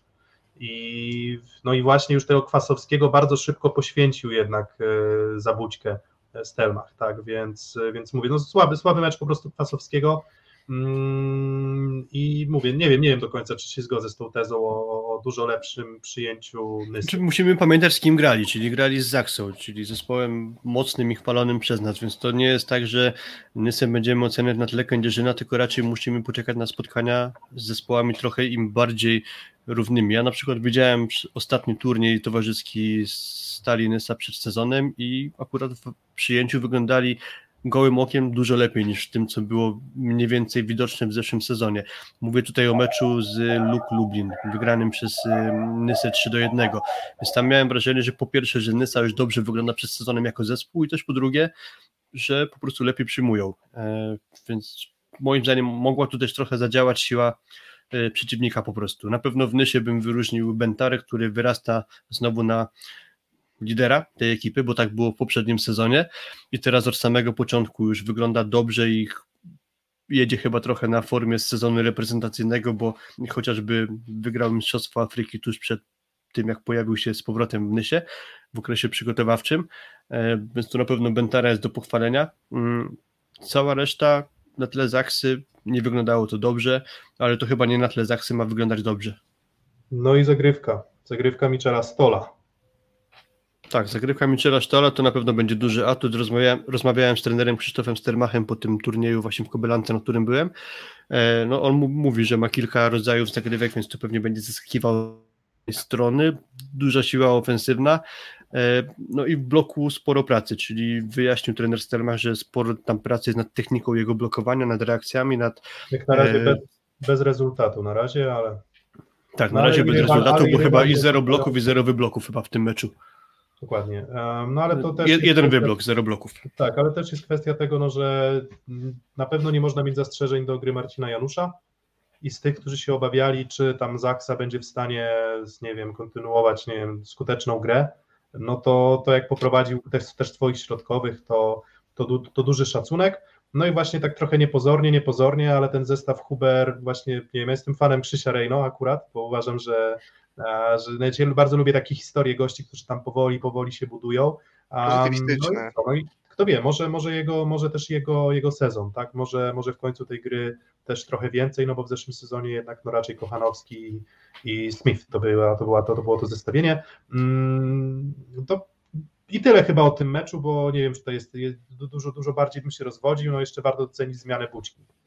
Bo, bo gdyby, nie, gdyby nie jednak te kilka ataków skutecznych Bućki, to... to, to, to, to Kilka, to- 9 na 10 piłek skończonych to nie jest takie kilka. nie, nie, nie, no właśnie, właśnie nie, dlatego mówię, że, że, gdyby, że gdyby, jeżeli byśmy odjęli właśnie Bućkę to i wzięli tylko pod uwagę ten wyjściowy skład, no to Kwasowski zagrał bardzo źle w ataku, Pęczew zagrał bardzo źle w ataku, a Bentara zagrał hmm, tak sobie. Mm, I Bućko trochę te, te, te parametry poprawił i za to mu chwała. Mm, No ale chyba występ Pęczewa, nie wiem, no zaskakuje was, bo, bo, bo to też nieudany mecz. No nie, moim zdaniem trochę Pęczew do takiej gry po prostu ostatnio przyzwyczaił. Mówił trener Stermach, że ich zdaniem potrzeba mu trochę więcej czasu. No i tego się może trzymajmy, ale na razie to dobrze nie wygląda. Dobra, to przeskakujemy do meczu, który mm, no, chyba był meczem najciekawszym, a na pewno najrówniejszym meczem kolejki, a czyli meczu Szósty set. Napuściłem jingle tak wcześnie, zamykając MVP Semeniuk 67%, Janusz 25%. Więc y, Kamil Semeniuk jest waszym MVP meczu e, Stalnysa Grupa Azoty Zaksa.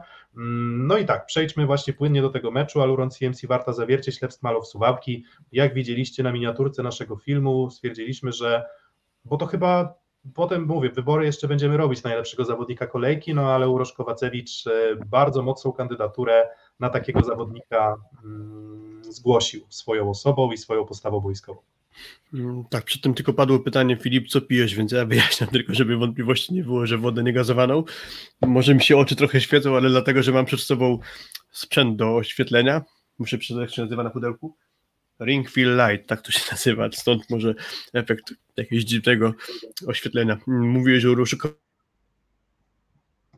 awatarze zapowiadającym to dzisiejsze mm, nagranie, znakomity występ Serba, z kolei trochę nie dostosował się do niego Facundo Conte, no i tu już pierwszy atut wyszedł na jaw, czyli wartościowa łapka zawiercia i trzeba może zacząć od pochwały Kolakowicza, który umiejętnie z niej skorzystał, bo chociażby przypominam sobie asa serwisowego Miguela Tavaresza, który zaczął spotkanie na ławce, a zakończył setał punktową zagrywką. No i Orczyk, tak, kapitalna zmiana, bo trochę tak jak Bućko jednak, Orczyk wszedł za kątek, który chyba do miana by kandydował do miana jednego z gorszych zawodników kolejki.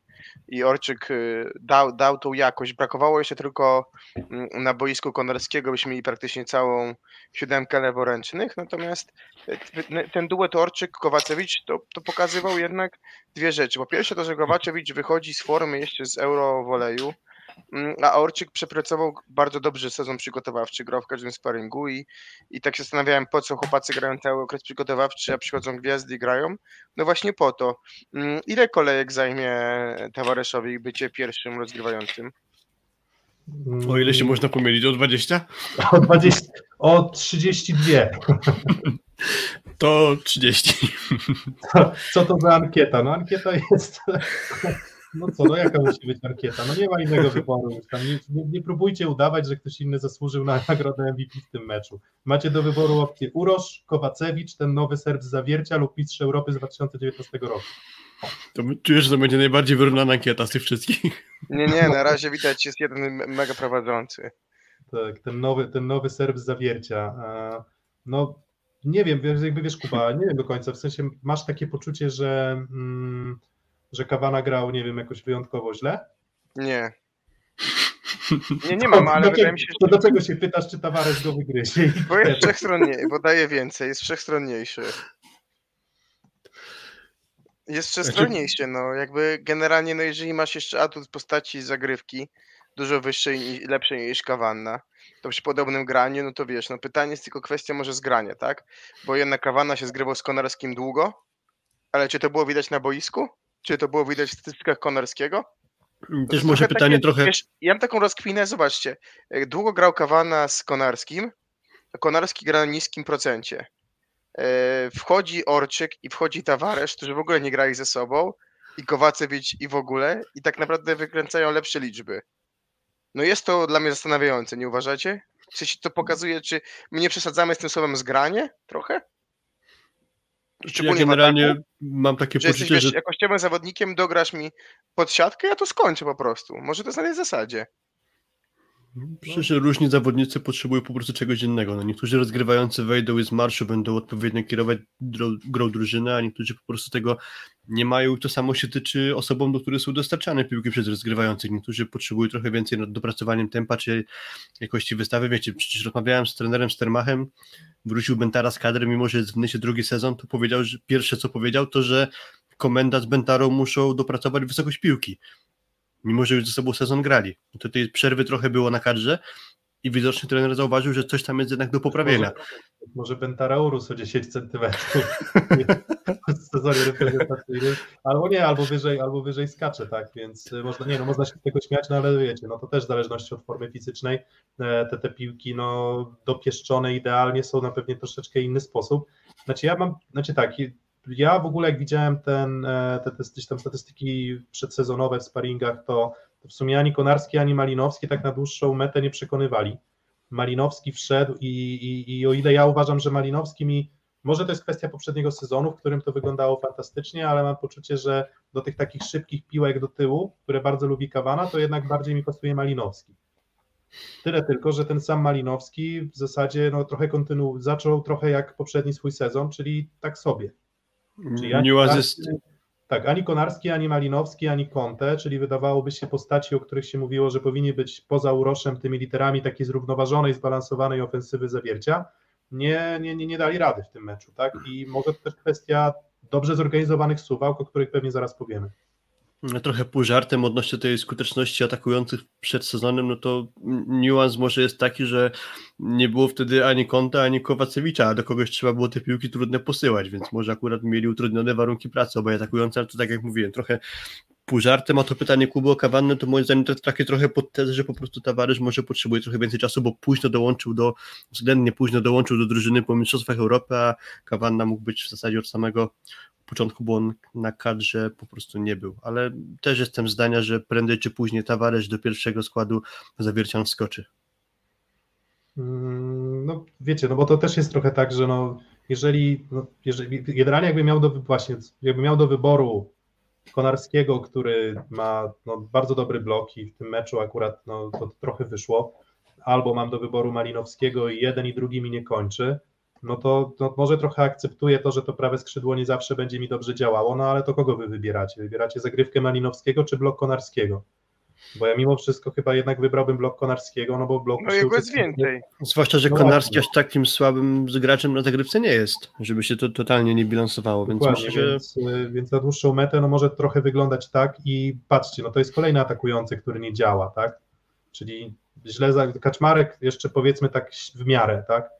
No ale Bentara też tak, tak sobie, Hadrawy, Błaje tak sobie, Butryn tak sobie, Muzaj tak sobie, więc no jak na razie ci rozgrywający, wszyscy trenerzy powinni jakieś tam dodatkowe zajęcia ze zgrania z atakującymi na, na, na, na ten kolejny tydzień swoim zawodnikom wyznaczyć, ale na Poza? pewno poza Tuanigą, który z Bołądziem wyglądał absolutnie najlepiej i ja jestem, to tak jak długo się do Bołądzia przekonywałem, albo to długo Bołądź przekonywał mnie swoją grą i swoimi postępami, mm, ale to jest zawodnik, który mm, no, puka do kadry i nawet jak tam porównuję go tam, bo wiecie, w zeszłym sezonie on był bardzo skuteczny, też powiedzmy, no, był jednym z najskuteczniejszych tam chyba trzech e, atakujących w lidze i to bardzo mocno obciążony piłką, no bo w zasadzie nie było tam komu kończyć piłek w zeszłym sezonie, no bo ani Rousseau, ani Waliński, ani Klinkenberg specjalnie sobie nie radzili, więc bardzo mocno obciążony i on pomimo tego mocnego obciążenia i wielu piłek atakowanych w sytuacjach trudnych sobie radził. No i rozpoczął sezon fantastycznie. Mieliście wrażenie, że może trochę jeszcze na siłowni popracował, bo tak jakby szerszy trochę bądź. Ja mu się nie zdążyłem dokładnie przyjrzeć, zresztą widzieliśmy to spotkanie na małym ekranie w pociągu jeszcze jadąc z y, Olsztyna do Warszawy, ale widziałem takiego tweeta, że Bowen w tym okresie przygotowawczym to chyba został zamknięty w siłowni, więc coś w tym na pewno musi być, że skoro kilka par oczy takie coś zauważa, to pewnie rzeczywiście trochę Bartłomieja Błądzia w tej plus się zameldowało, więcej. Ale też jest być tak, że wiesz, w Suwałka jakieś takie mięsko może jedzą, jakieś inne, wiesz, o te, wiesz, wschodnie rytuały i tak dalej. Ja tak na poważnie to zabrakło Suwałką mm, trzeciego skrzydłowego, tak, bo nie pomógł ani Buchowski w ataku, ani Klinkenberg, który go zmienił, tak, bo jeszcze Łukasik też, Łukasik też, który wygląda na dużego, więc to jest taka, może tam byczki po prostu, wiesz, jakiś Gym Pro e, jest grany często, ale no widać, że to pomaga, tak, no bo jednak te dwa skrzydła wyglądały dobrze, zabrakło znaczy, trzeciego, tego drugiego Łukasik, lewego. Wiesz, Łukasik to już chyba od małego musiał być karmiony tym, bo... bo Sok ja z gumi jagód. Jak on w wieku 16 lat ten sok. Albo szpinak wcinał jak Popej.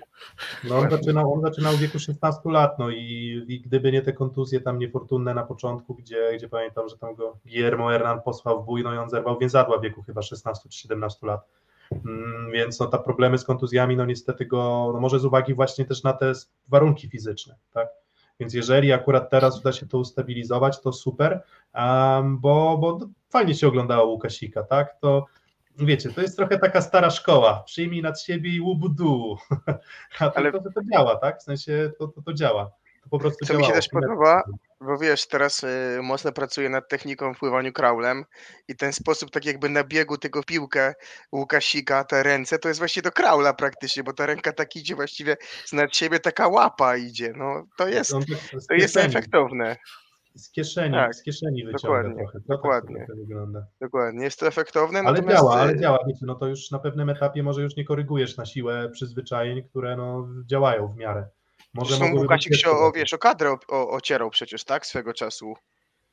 No ale taka, taka drużyna trochę dwóch zawodników w tym meczu, co? W sensie Trzech. Łukasik, Bołądź, Łukasik, Bołądź, no i kto był? No to kto trzeci jeszcze? Takfam, no Takfam co no, zamurował. Tak, tak, znaczy tak, tak, tak, oczywiście, tylko że właśnie, okej, okay, zamurował, ale jeżeli chodzi o ofensywę, to Bołądź, Łukasik, Bołądź, Łukasik, a w zasadzie Bołądź, Bołądź, Bołądź, Łukasik. Słuchaliśmy wszyscy wypowiedzi pomeczowej trenera Kowala, który też wyjaśniał, że trochę brakowało w ataku odejścia od Bołądzia, czyli może też nawet na trochę więcej liczył po stronie Piotra Łukasika, no ale generalnie gdzieś widział mankamenty w skuteczności z lewego skrzydła, czyli oprócz Łukasika tam jeszcze grał wspomniany Waliński i Klinkenberg, którzy nie wyglądali dobrze, Paweł Halaba, z którym pytacie co się dzieje, co się z nim stało.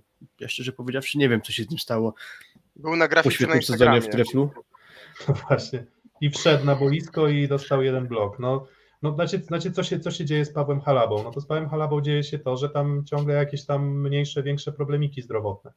Nie, wiecie, nie, jakby nie, wiecie, gdyby to była jakaś bardzo duża kontuzja, to chyba może też byśmy o tym usłyszeli, tak? W sensie, bo to zazwyczaj takie informacje się przewijają gdzieś, a to są takie drobne, drobne problemy.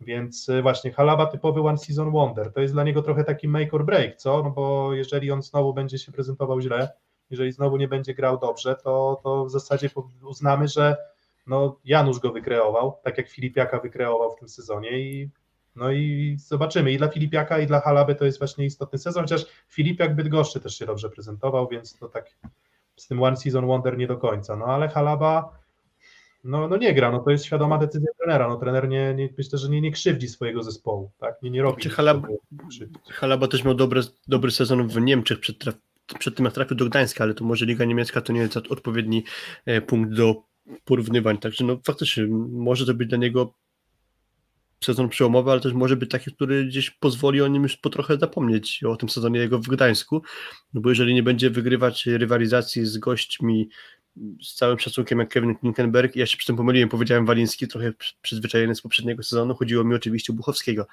Jeżeli w takim gronie przyjmujących nie będzie w stanie wywalczyć miejsca w podstawowym składzie, to znaczy, że chyba ten sezon w Gdańsku trzeba by uznać przewrotnie wypadkiem przy pracy. A jak oceniacie debiut Facundo Conte? Bo tak może ostatnie pytanie, bo, bo, bo jakby mecz, mecz, mecz mi się podobał. Późno się robi.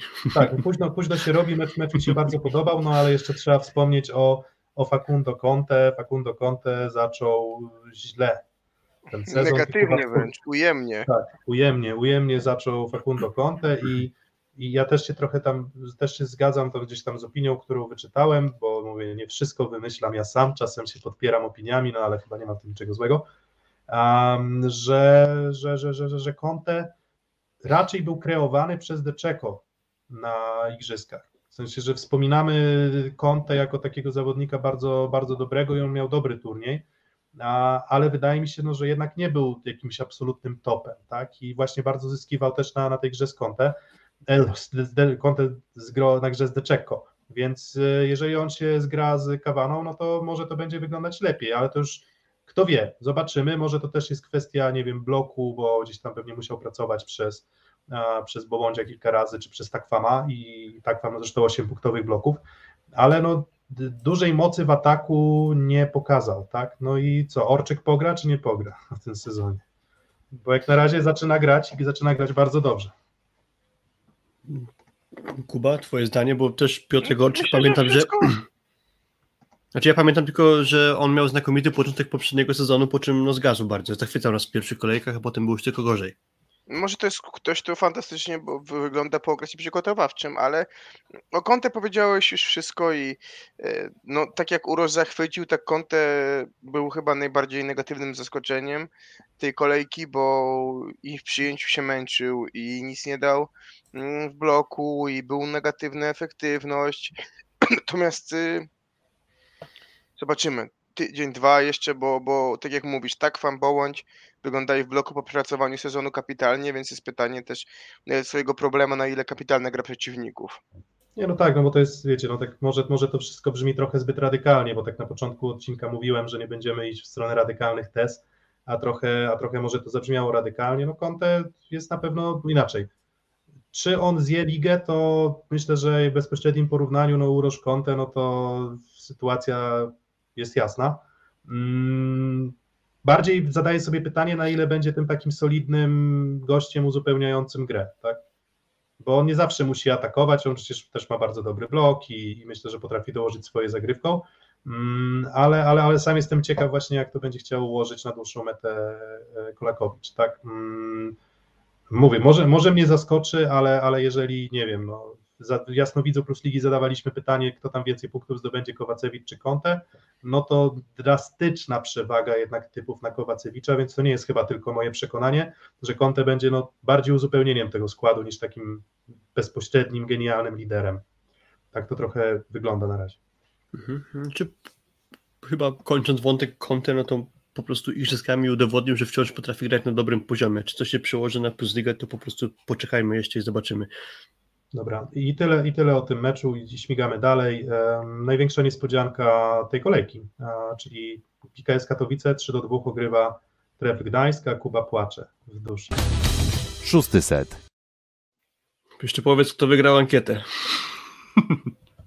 Ten nowy Serb Zawiercia, 56% głosów. Więc, więc tak jest. E, GKS Katowice. Mm, nie chcę mówić, że skazywani na porażkę, ale skazywani jednak na raczej na to, że z punktów z treflem chyba Gdańsk im się zdobyć nie uda i że typowani do dołu tabeli raczej, jeżeli chodzi o te, te, ten, ten, ten przedsezonowe typy i bookmacherów i wszystkich i nasze, um, a oni wszystkim zrobili psikus i no i wygrali z tym treflem Gdańsk, natomiast ja zadaję sobie pytanie w waszej opinii, czy to był jakiś fantastyczny mecz y, GKS-u Katowice, bo no nie mam takiego przekonania, w sensie raczej wydaje mi się, że tref był zaskakująco słaby jak na drużynę, która jako jedyna w zasadzie od początku przygotowań była razem. No, no linia round. Nie grał Lipiński, ale no nie no, Winiar już out, no już o czym my mówimy. Ja tutaj, niektórzy go na trenera reprezentacji chcieli wsadzać. Czy to jest chytry plan Winiara, żeby go zwolnili z trepla, żeby nie musiała, nie musiał PZPS płacić odprawy, jak odejdzie do reprezentacji Polski. ale tak... tak, wiesz, on właśnie, że już wiesz, chce już tak obrzydzić wszystkim kibicom trepla. Nie, no żarty, żarty, żarty żartami, no ale bardzo nieudany ten występ trepla. Um, Lipiński drobne problemy z barkiem, tak? Do tego się Filip dowiedziałeś. Tak, czyli jakiś poczuł powiedzmy problemy z barkiem przed meczem i nie chciano ryzykować, zanim nie zrobi się dokładniejszych badań, stąd jego absencja w tym spotkaniu. Był Jakub Szymański, był Gonzalo Quiroga, pojawiał się z ławki jeszcze E, wróć, co ja mówię, o, mówię o Gieksia, tak, mówimy o, o treflu, tak, tak wymieniłem przyjmujących Gieksa, tak. zmieniłem temat niechcący. E, nie no, to grał Mateusz Mika, grał Reichert, szybko zmieniony z, przez y, Patryka Łabę. To był chyba pozytyw tego spotkania, że Patryk Łaba wszedł i zagrał niezłe spotkanie, trochę jako, znaczy może nie jakieś rewelacyjne, ale, ale z niezłej strony się pokazał, no to można powiedzieć po stronie Trepla to jest jakiś taki pozytyw, że że ściągnęli sobie gracza z pierwszej ligi i widać, że chyba będzie dawał radę, no ale moim zdaniem problem Trefla jest jasny, jeżeli brakuje Lipińskiego, to tam nie ma gracza o wyraźnej sile ofensywnej na przyjęciu, czyli ani Mika, ani Reichert, ani właśnie Łabat, to nie są tacy gracze w ofensywie pokroju Bartłomieja Lipińskiego, no moim zdaniem on będzie niezbędny do tego, żeby Trefl mógł nawiązać do tego, co było w zeszłym sezonie. On jest niezbędny, nie ukrywajmy, tak, e, bo też mam taką wątpliwość, bo byłem w Nowym Dworze, oglądałem na żywo i miałem wątpliwość co do tego, czy Patryk Łaba będzie sobie radził bardzo skutecznie w ataku, e, bo wydaje mi się, że to jest zawodnik, który akurat w przyjęciu wygląda bardzo ok. Mm, no i w tym meczu e, komentatorzy cały czas mówili, że wyglądało to bardzo dobrze, że on dużo wniósł ożywienia i to prawda, oczywiście jakby może trzeba wskazać, że jak on wszedł, no to od trzeciego seta zaczął wygrywać traf. Natomiast już liczbowo patrzymy na 24 ataki, 8 skończonych e, i dwa, dwa bloki, tak?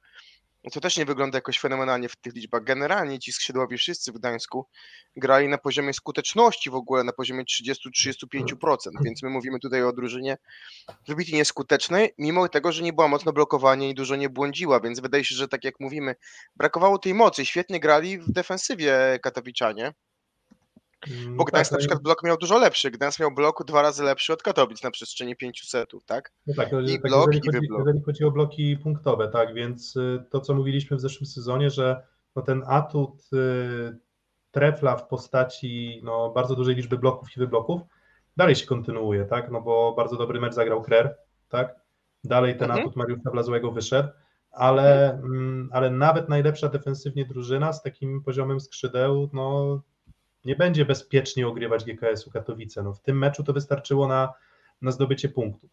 Tak, no ale wyglądało to słabo. No i okej, okay, no Mateusz Mika wyglądał myślę, że okej. Okay. W sensie, że okay. nie, nie, nie, nie, nie chcę mówić, że fantastycznie, ale wyglądał ok. Przegrał cały mecz od początku do końca i no jak na powrót po trudnej kontuzji, to myślę, że to jest fajny, fajny debiut. Przyjęcie ok. Ale no, jeżeli chodzi o tam Reicherta i, i Łabę, to, to, to myślałem, że Reichert no, po tym powiedzmy o znakach tej dobrej gry w ataku w poprzednim sezonie, on już wsiądzie na ten wyższy poziom od początku. No a w sumie jakby patrzcie, no był też i Kozub i Kampa, więc to też trudno zwalać to tylko i wyłącznie na, nie wiem, na konkretnego rozgrywającego w tym przypadku, tak? Nie wyglądało to za dobrze z Kozubem, no z Kampą może odrobinę lepiej, ale czy dużo lepiej? Chyba też nie do końca, tak? Więc coś w tym rytmie ataku Gdańska, no nie, nie, nie, nie wyglądało, mm, ale wiecie, no tam w zeszłym sezonie... Mm, było tak chyba, że Gdańsk późno zaczynał sezon, prawda? Mm, z uwagi na, na COVID. Mhm. Przyniesiona pierwsza kolejka na pewno z Resowią na późniejszy termin. Chyba pierwszych dwóch, trzech meczów chyba pierwszych nie zagrali. Chyba. Tak, i, i pamiętacie, że było tak, że się tam wtedy zastanawialiśmy, na ile to Gdańskowi pomogło, bo oni wtedy zdemolowali Radą w pierwszym meczu i zastanawialiśmy się, na ile pomogła im swobodna praca.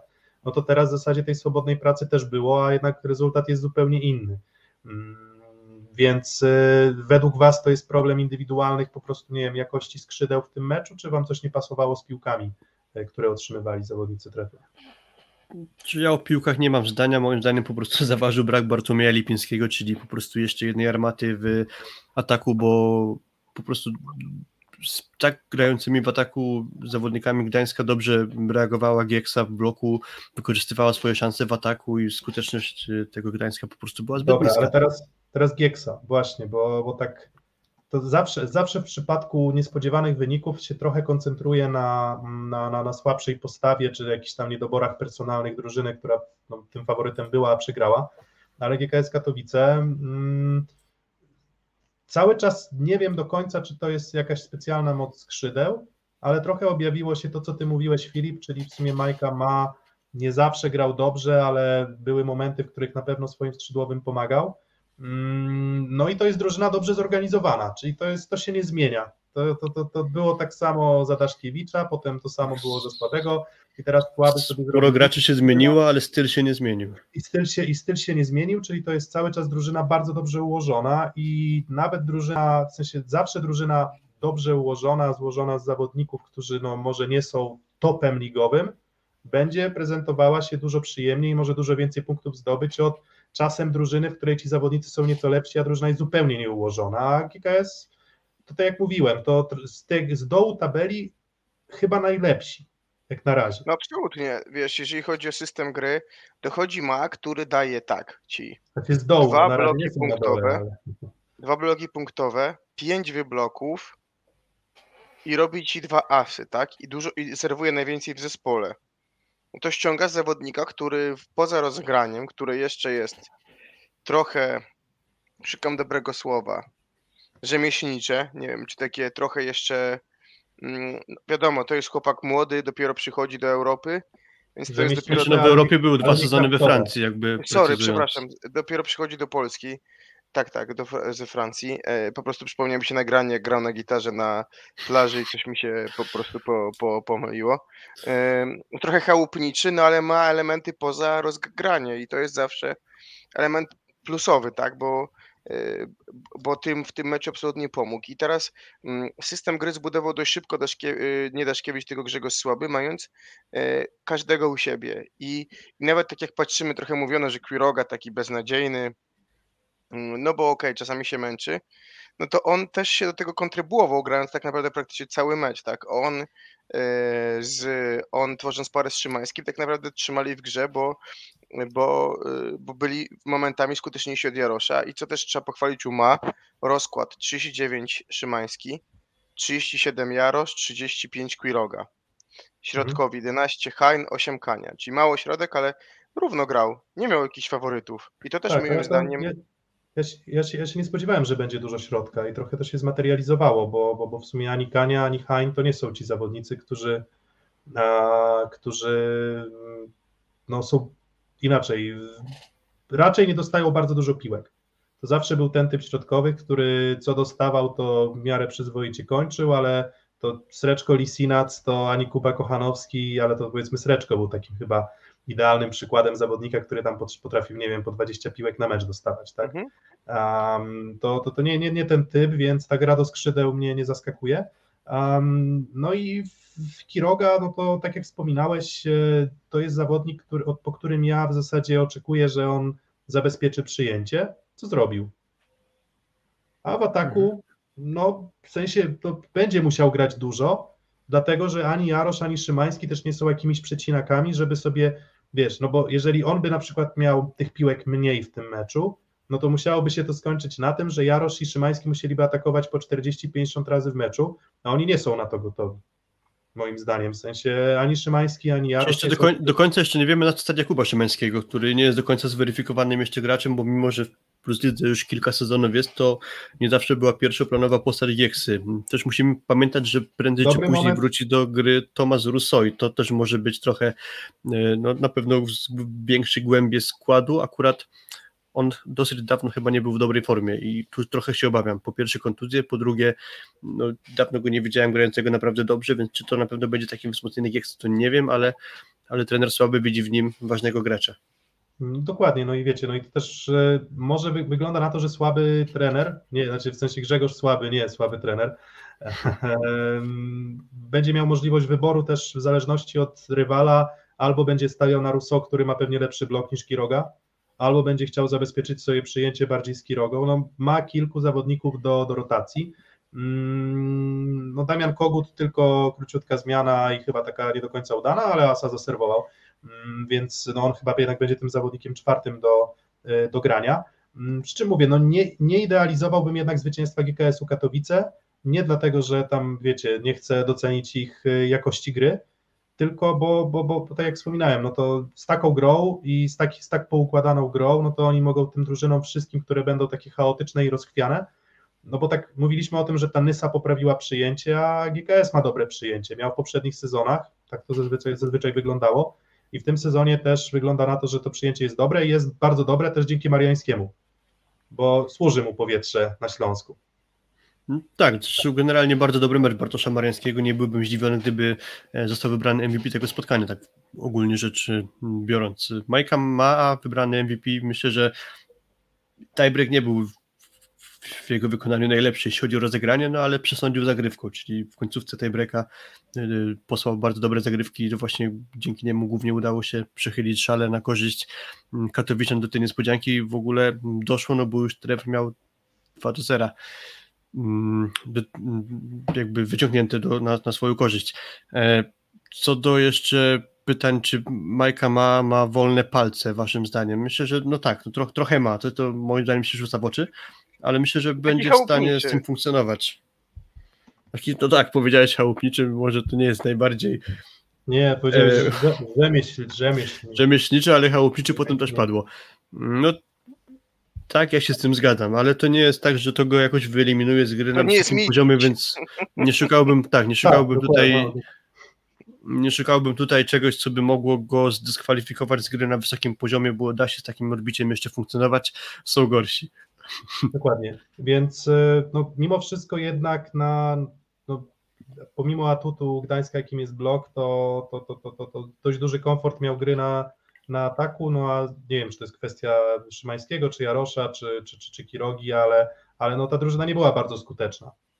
Tak, i, i wiecie, i na końcu no, tej skuteczności może jednak na tym takim wysokim zorganizowanym bloku zabraknąć, ale w zeszłym sezonie było bardzo podobnie, tak? To zestawienie Kwasowski, Buchowski, Jarosz radziło sobie dobrze z drużynami na porównywalnym poziomie. No i jeżeli będą sobie na porównywalnym poziomie rywali ogrywać, no to spokojnie utrzymanie będą mieć. I myślę, że z takimi drużynami, które będą miały nieco gorszy blok, to Katowicom będzie jednak zdecydowanie łatwiej, więc to nie jest tak, że uważam, że Katowice zagrały fantastyczny mecz, ale, ale uważam, że z tego potencjału personalnego jak na razie wycisnęli sporo. Ale nie wiem, jak duża jest rezerwa dla, dla GKS-u jeszcze tutaj. Więc, więc się przekonamy. Dobra, e, tutaj już mówią, że mm, idźmy dalej do meczu projektu, no to myślę, że możemy iść do meczu projektu, bo już się ściemnia powoli. Już czas e, zmierzać powolutku, powolutku do końca. Szósty set. Mm, Projekt Warszawa to tak jak wspominałem, no dla mnie obok grupy Azoty Zaksy to jest drużyna, która najlepiej się zaprezentowała w pierwszej kolejce. Mm, Najlepiej ułożona, ale to jak zawsze w przypadku każdego spotkania siatkówki jest odwieczne pytanie o to, czy to jest pierwsze było jajko czy kura, czyli czy pierwszy jest to, że projekt Warszawa zagrał bardzo dobrze, czy może jednak pierwsze jest to, że to Ceratene a Czarni Radom po prostu zagrali mizernie, bo, bo Zero zagrali, bloków. zagrali bardzo mizernie. Zero bloków. Ja nie pamiętam spotkania, żeby drużyna miała zero bloków. Zero w trzech setach. Mm, I to jest fundamentalny problem. W ogóle w tym kontekście zwróćcie uwagę na to, że każdy środkowy, który przyszedł do Plus Ligi z zagranicy, nie zagrał dobrze w pierwszej kolejce w bloku. Bo Parkinson nic nie dał, bo nic blokowo szczególnie nie dał. Sztal nie dał. Sztal, Avery, nic Avril. blokowo, trochę Kozamernik, no ale mów, umówmy się, to jest najwyższa jakość tych wszystkich. Mm, No i to Mhm. jest dla mnie takie ciekawe pytanie, no bo tak naprawdę wiatraki na środku w bloku w Radomiu, pierwsze dwa sety rozstrzelani jak kaczki przez bardzo solidny zespół z Warszawy, w którym nie zrobili żadnej krzywdy zagrywką.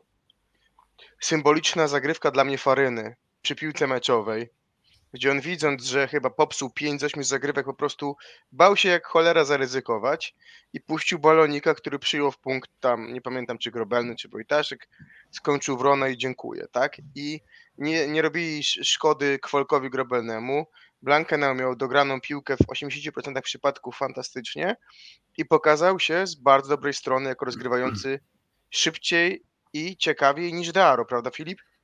Mm, Tak, widziałem ten mecz i to, co właśnie mi się jako pierwsze rzuciło w oczy, to szybkość grania Blankenała i różnica w tym aspekcie względem grającego w zeszłym sezonie Trinidada, który kiepsko zaczął, grał wolno, potem trochę grę przyspieszył, ale to nadal nie jest szybkość, jaką zaprezentował nam Kanadyjczyk.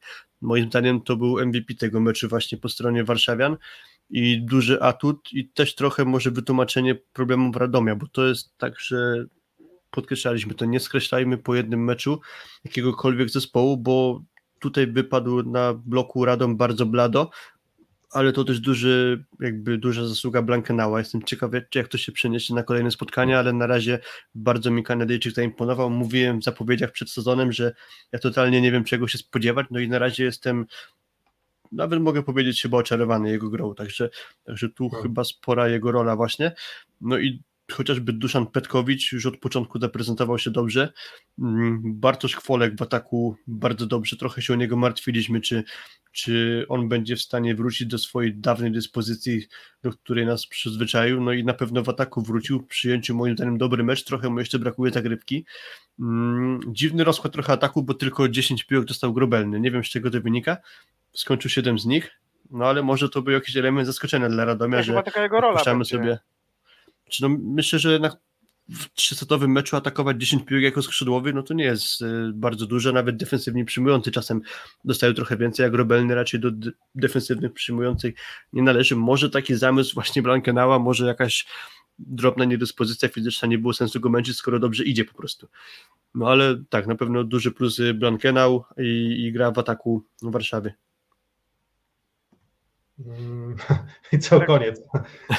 Znaczy, bo Nie, nie, nie, nie, chcę, bo- nie chcę się znęcać nad tym meczem Radomia, bo naprawdę niewiele im wychodziło i po prostu na razie wychodziło to Nie, no, kiepsko. trzeba Nawet o pozytywach, tak? Wszedł Rusin i zagrał bardzo ciekawie. Baliśmy Nowak, moim zdaniem też dobre wejście. Tak, dobre wejście Nowaka. Rusin- warunki. Rusin is the new Protopsaltis, tak? Rusin to New Pseudoprotaltis i z Rusin mm, będzie niedługo tak famous jak Kinga Rusin, a tak poważnie to podobało mi się różnicowane tempo jego Przestań ataku. tego To pudelka czytać.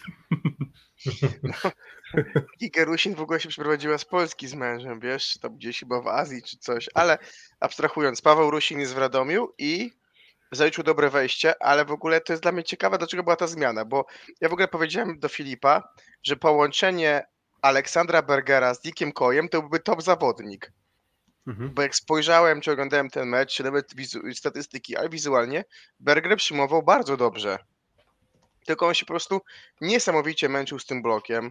Tam Nowakowski z Wroną go po prostu zamęczyli i skrzydłowi również. E, No, no i generalnie strzedł Santana, który atakował dobrze, a gorzej przyjmował. No i ten Rusin no nie był w stanie tego zbalansować. Szczególnie, że Faryna też niestety bardziej nawiązał do sezonu poprzedniego. Będzie no niż, niż tego jeszcze jednego wcześniej. Natomiast wydaje mi się, że klucz to jest na środku, bo gadali, rozmawialiśmy o tym też w kontekście no, euro i igrzysk.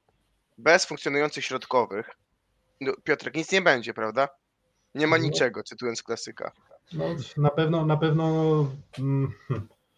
To, to, to, jest, to jest pytanie, na które ja próbuję znaleźć sobie odpowiedź i mówię, cały czas się zastanawiam, jak to jeszcze rozgryźć, ale, ale to jest pytanie o to, jak duży jest związek pomiędzy jakością bloków drużyny na skrzydle, czyli na przykład jak masz, nie wiem, dobrze blokujących skrzydłowych, to na ile jest to zależne od bloków środkowych. Um, no i Bednaruk jakby wziął na siebie to, że tego Lemańskiego odbuduje bo, bo, bo, to, bo jakby to, to, była, to była świadoma decyzja też Kuby Bednaruka, że on, że on da Lemańskiemu szansę, wiedząc, że w Nysie z tym blokiem po prostu nie pracował.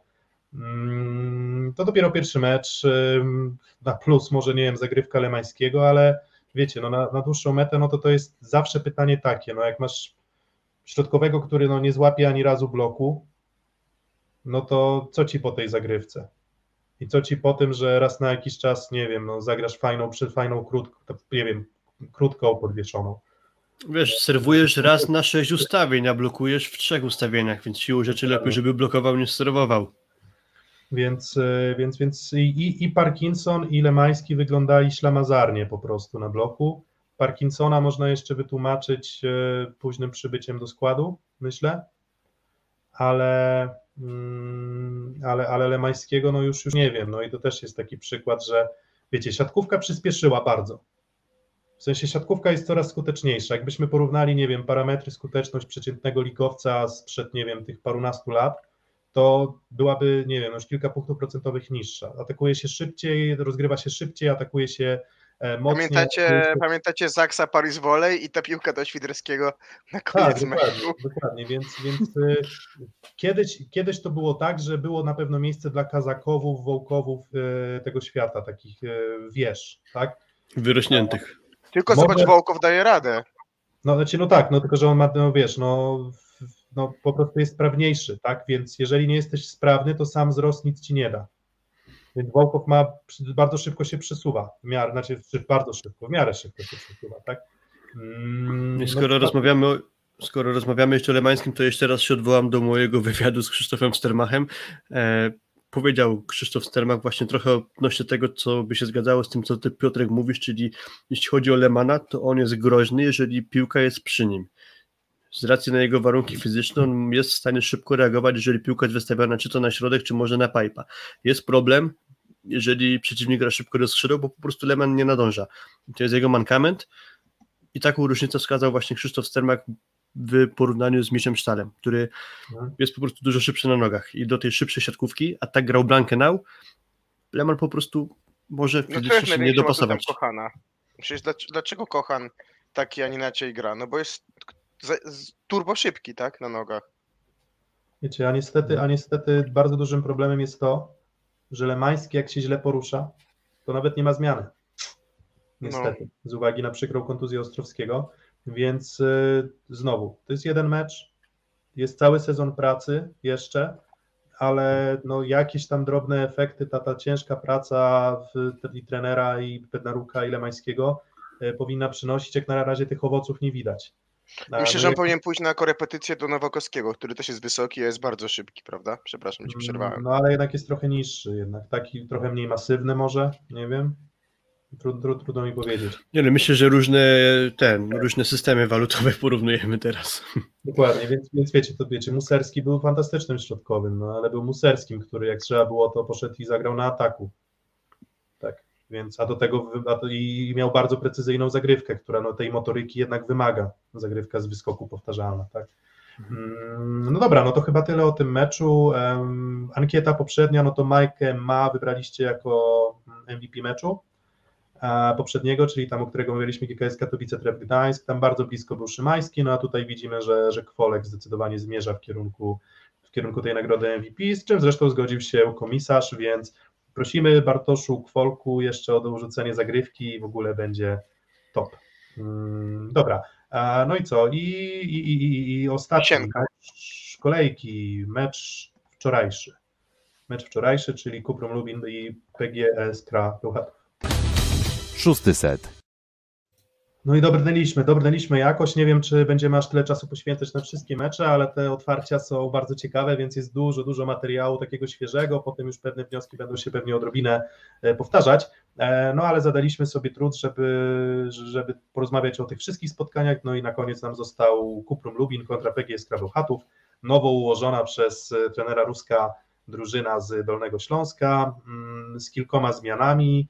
Postawiła się faworyzowanej PGS Krze, którą, mm, co do której mankamentów mieliśmy i chyba cały czas możemy mieć sporo zastrzeżeń, ale jak się okazuje, no na, na, na, na też dobrze zorganizowane Kuprum, bo znowu, gdyby miał ułożyć, no to Kuprum i GKS na tle Nysy i, i Lublina, to, to, to, to wyglądały myślę, że zdecydowanie lepiej.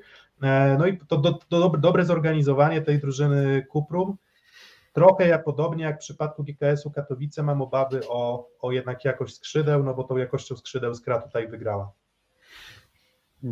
Na pewno wygrała Skra właśnie jakością skrzydeł, trochę kiepski mecz Ferensa, gdyby odrobinę lepiej zagrał, może by to nawet skończyło się tiebreakiem.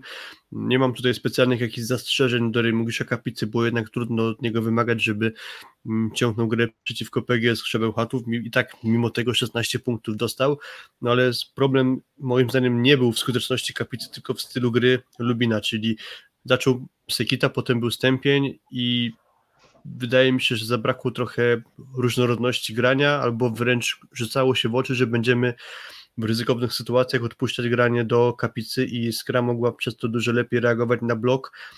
i ustawiać się bliżej lewego skrzydła Kuprum Lubin i przez to duże problemy Balińskiego, chociaż on akurat prezentował się bardzo poprawnie i był takim głównym powiedzmy Trzeci set odrobienia. y, imienia Walińskiego, Walini. Tak, tak. No, był po prostu głównym facetem odrobienia breakpointu Kuprum Lubin. Jeżeli było trudno, to grało się do Walińskiego i, i on kończył. Jeżeli nie on, no, to trudno było się spodziewać, żeby ktoś inny trudną sytuację skończył, bo, bo no, było to oszczędzanie Remigusza, Remigusza Kapica, a Wojciech Ferenc nie zagrał najlepszego spotkania. Został zmieniony Masahiro Sekita, moim zdaniem on nie grał kiepsko, ale bardzo się rzucało w oczy to, że jeżeli miał piłkę przy lewej antence, bliżej lewej antenki, to totalnie nie grał przerzutów. Było lewy albo środek, Iskra to dobrze czytała. Dobry mecz w bloku Bar Mateusza Bieńka, Karola Kłosa. E, spróbował Paweł Rusek Stępnia. Moim zdaniem nie była to zła zmiana, ale i tak jednak brakowało trochę więcej odwagi w graniu do atakującego i to mi się wydaje, że pogrzebało szansę Kuprum lubi na dobry występ. E, powiew optymizmu być może John Wendt, e, francuski atakujący, zakontraktowany, być może za mało czasu trochę minęło, żeby on mógł wystąpić w tym spotkaniu, ale Tak, sądzę, on- że on- jak on na zastępstwo Polsce. Tak, jest w Kładziemy- Polsce, ale, ale może nawet nie zdążył potrenować. Nie wiem, w każdym razie teraz podobno na trybunach siedział podczas tego spotkania wczorajszego. No i moje zdanie jest takie, że jak na okres o, okresu, okres okresu transferowego, jak na moment okresu transferowego, to jest zastępstwo za Ronalda Jimeneza bardzo dobre, bardzo godne. Mm, Nie wiem, w sensie on nie jest jakiś Tak, tak, taki tak, z właśnie, wielką przeszłością klubową, bo to jest Belgia, Turcja, Rosja, ale klub powiedzmy podrzędny i Liga Japońska, ale w lidze rosyjskiej, w ASK Niżny Nowogród, to był gracz jeden z czołowych punktujących w sezonie, gdy tam Maciej Muzej grał w Gazpromie i Ugra Surgut. Więc on na poziomie poważnej ligi już się sprawdził. Tak, więc y, no i to też nie jest, wiecie, to też nie jest tak, że przychodzi tutaj um, już taki podstarzały emeryt, tylko jest to zawodnik, który ma 27 lat na liczniku, więc to też nie jest tak, że on przyjedzie tutaj odcinać kupony albo że to jest takie uzupełnienie na siłę, więc wydaje mi się, że jak na sytuację transferową, to czy, czy powiedzmy to, że dość późno Kuprum musiał łatać tę te, te stratę po Jimenezie, to jest, jest spoko. W sensie tutaj się zgodzę, Filip, że jest ok. Um, no i tak, Kuprum. Um, był taki moment, w którym się zacząłem zastanawiać, czy, czy, czy, czy, czy nie będzie problemem Kuprum jednak e, jakoś bloku, mm, z tego względu, że nagle na boisku to się pojawił Sekita, tak? Waliński, o którym no raczej bym nie powiedział, że on jakiś fantastyczny blok ma. W tym meczu akurat e, tam kilka razy przytrzymał Atanasiewicza, ale Atanasiewicz jest akurat wdzięcznym obiektem do blokowania, tak bym powiedział, bo on mocno atakuje i nie zawsze dba o, o kierunek, tak? Mm, Ale, ale miałem takie poczucie, że potem jeszcze sobie dorzuciłem Pietraszkę, który raczej słynie z, z lepszej zagrywki i ataku, jeszcze jak pamiętam go z Indykpolu AZS Olsztyn, jak był zdrowy, e, niż z bloku. Mm, No i to wszystko mi się nakładało w taką, taką, taki, taki obraz drużyny, który, mm, który no może mieć jednak trochę problem z tymi warunkami fizycznymi na skrzydłach swoich blokujących, co było widać trochę na początku, bo, bo, bo widać to było przy Atanasiewiczu. No i Stępień ma blok lepszy na pewno niż Sekita i to też jest trochę takie pytanie, jak w przypadku każdej drużyny, czy no, coś kosztem czegoś. Czy wybierasz Sekitę licząc, że zrobi coś magicznego na rozegraniu, wiedząc, że no, będzie dziurą na bloku, no bo mówimy o zawodniku naprawdę niziutkim, tak, a to, że on tam dwa razy zablokował śliwkę na igrzyskach, to mm, no to to niewiele. No Znaczy tu- tak. No Kuba? Nie śmiało Filip, ty proszę. Znaczy, no moje zdanie jest takie, że o ile przedtem mówiliśmy o jakby wyższości bloku nad zagrywką, o tyle rozegranie nad blokiem moim zdaniem jest istotniejsze i masz tego Sekitę pod siatką w trzech ustawieniach, a różnica między Stępniem a Sekitą jest taka, że szybciej gra Sekita, znaczy ma taki potencjał, żeby grać dużo szybciej Sekita, na pewno bardziej kombinacyjnie, a przecież ani Ferenc, ani... stawia. Tak, ale ani Ferenc, ani Waliński to nie są gracze do grania na wysokiej piłce. Czyli oni będą bardziej zyskiwać w ataku, jeżeli będzie zgubiony blok i szybsza piłka, gdzie środkowi nie będą nadążać. Teraz nie było jeszcze tego Wenta. Jeżeli on będzie w stanie grać e, tak, że bierze na siebie więcej odpowiedzialności w ataku, dostaje trochę trudniejsze piłki e, w bardziej newralgicznych momentach meczu, no to moim zdaniem granie z Sekitu tutaj będzie e, procentować po prostu. Dlatego jednak obstawiam, że na dłuższą metę to Japończyk będzie prowadził grę Kuprą, ale poczekajmy jak zaprezentuje się jeszcze Wendt. Uważam, że tu może być e, kluczowa właśnie mm, jego rola w ciszczeniu trudnych piłek, no a na szybkich piłkach Ferenc z Walińskim będą dobrze hulać. Kwestia też jest, bo tu mówimy o Kuprum, powiedzmy o rywalu, bo e, na razie ta gra skry taka niezorganizowana do końca. Mm, No i dwa, wiadomo było tak, końcówka śr- środkiem załatwili to blokiem. Kłos i Bieniek to na pewno będzie jakość wyróżniająca ich na plus. Mm, e, Zmiana Miticia, myślę, że ta zmiana raczej jak najrzadziej powinna być robiona przez trenera Kowacza. Ym, bo ani Schulz nie wygląda jakoś fenomenalnie. Mam wrażenie, że te lata w Gdańsku, nie wiem, chyba jakieś powietrze morskie służy tym zawodnikom z Gdańska, jak potem odchodzą, to brakuje tej bryzy. Ym, e, A Atanasiewicz zero-jedynkowy, tak jak powiedziałeś Piotrek, bardzo wdzięczny, skuteczny, ale mało efektywny i to jest też pytanie, czy y, granie nim na wysokich piłkach kosztem koja nie jest trochę lepsze, bo zobacz to, co się wydarzyło trzeci i czwarty set. Przestał dostawać piłek piłki koi. Dwa sety ciągnął i nie wiem, albo już fizycznie nie dojeżdżał, No, możliwe. że go oszczędzał y, łamać i mitić. Znaczy to było No tak, że albo- w trzecim secie Koi zdobył chyba dwa punkty atakiem, a w czwartym jeden punkt atakiem. Więc No właśnie, więc, z wysokiego C zaczął, ale potem już trochę gasł. dokładnie, no więc, więc generalnie zasadnicze pytanie jest takie, że on się pokazał ok, natomiast oczywiście jest łatwy do ustrzelenia i mam wrażenie, że ta strefa jego z Piechockim to jest najbardziej konfliktogenna strefa. Wiecie, to widzieliście tę szyderę, że już e, nauczył się systemu przyjęcia Dickoy, że wchodzi przyjmować floty Piechockiego. No parę razy tak było w tym meczu, to nie masz co się śmiać, to po prostu tak wyglądało moim zdaniem. Nie, no, znaczy nie, w sensie, wiecie... Znaczy nie mówię, że na dystansie całego meczu, bo to jest oczywiście przesada, ale kilka takich sytuacji było. Ale wiesz, co było też problemem? Yy, Niechlujność. Oni dogrywali tak jak Olsztyn, dużo kontr, marnowali przez złe dogrania z drugiej piłki. No dla mnie to było jakby nie do pojęcia, tak? Że albo na drugą stronę, albo w ogóle wałd, więc dużo niechlujności po stronie Skry. Mam wrażenie, że po prostu ofensywa i jakość środkowych pomogła wygrać, przepchnąć ten mecz kolanem. Nie wiem, pocieszające na pewno po strony, znaczy pocieszające, w sensie to tak jakby jakiś dramat się wydarzył po stronie PGS, który to tak nie jest, oni wygrali mecz 3 do 1, ale, ale myślę, że taki dodatkowy powiew optymizmu to jest Mira Debadipur, który całkiem nieźle wy, wyglądał względem choćby tego jeszcze, co widziałem u niego na kadrze Iranu. A powiedz mi, rok temu nie zaczynała też Skra z Lublinem pierwszego meczu? Nie, chyba tak. nie, tam z kim. Tak, Albo nie, tak, tak było. też było Wydaje mi się, 3-1? Chyba tak, tak chyba tak. To też- Więc to w ogóle bardzo, bardzo podobne, bardzo podobne mecze były, tak? I tam nie było Znaczy jeden wygrany 3-1 przez Lubin, a drugi chyba przegrany przez Lubin. Chyba tak to się poukładało. Tak, i, i, i to był wtedy dobry taki prognostyk dla Kuprum. Znaczy, jakoś tak było, że oni na początku... Oni byli chyba blisko wygranej Tak, ale, i ale, ale bardzo... ktoś taki bardzo- wszedł i odwrócił ten mecz. Tylko kto to mógł być? Już wam wszystko mówię. Kto to mógł być? Tak, Właśnie, 3 do tutaj 1 Konrad- rok temu na rozpoczęcie ligi. Też 24-26 ostatni set dla Bełchatowa, ale tam inne sety na przewagi były. I kto wszedł, żeby zaprowadzić porządek, już wam mówię. Yy, Na boisko kto się pojawił, żeby zrobić zmianę? W międzyczasie, jak się, jak się Zawicki. zastanawia... Tak? Nikt- Znaczy, nie może może nie to źle kojarzymy, ale... 12 na 13 w ataku. A, okej, Właśnie. no to możliwe.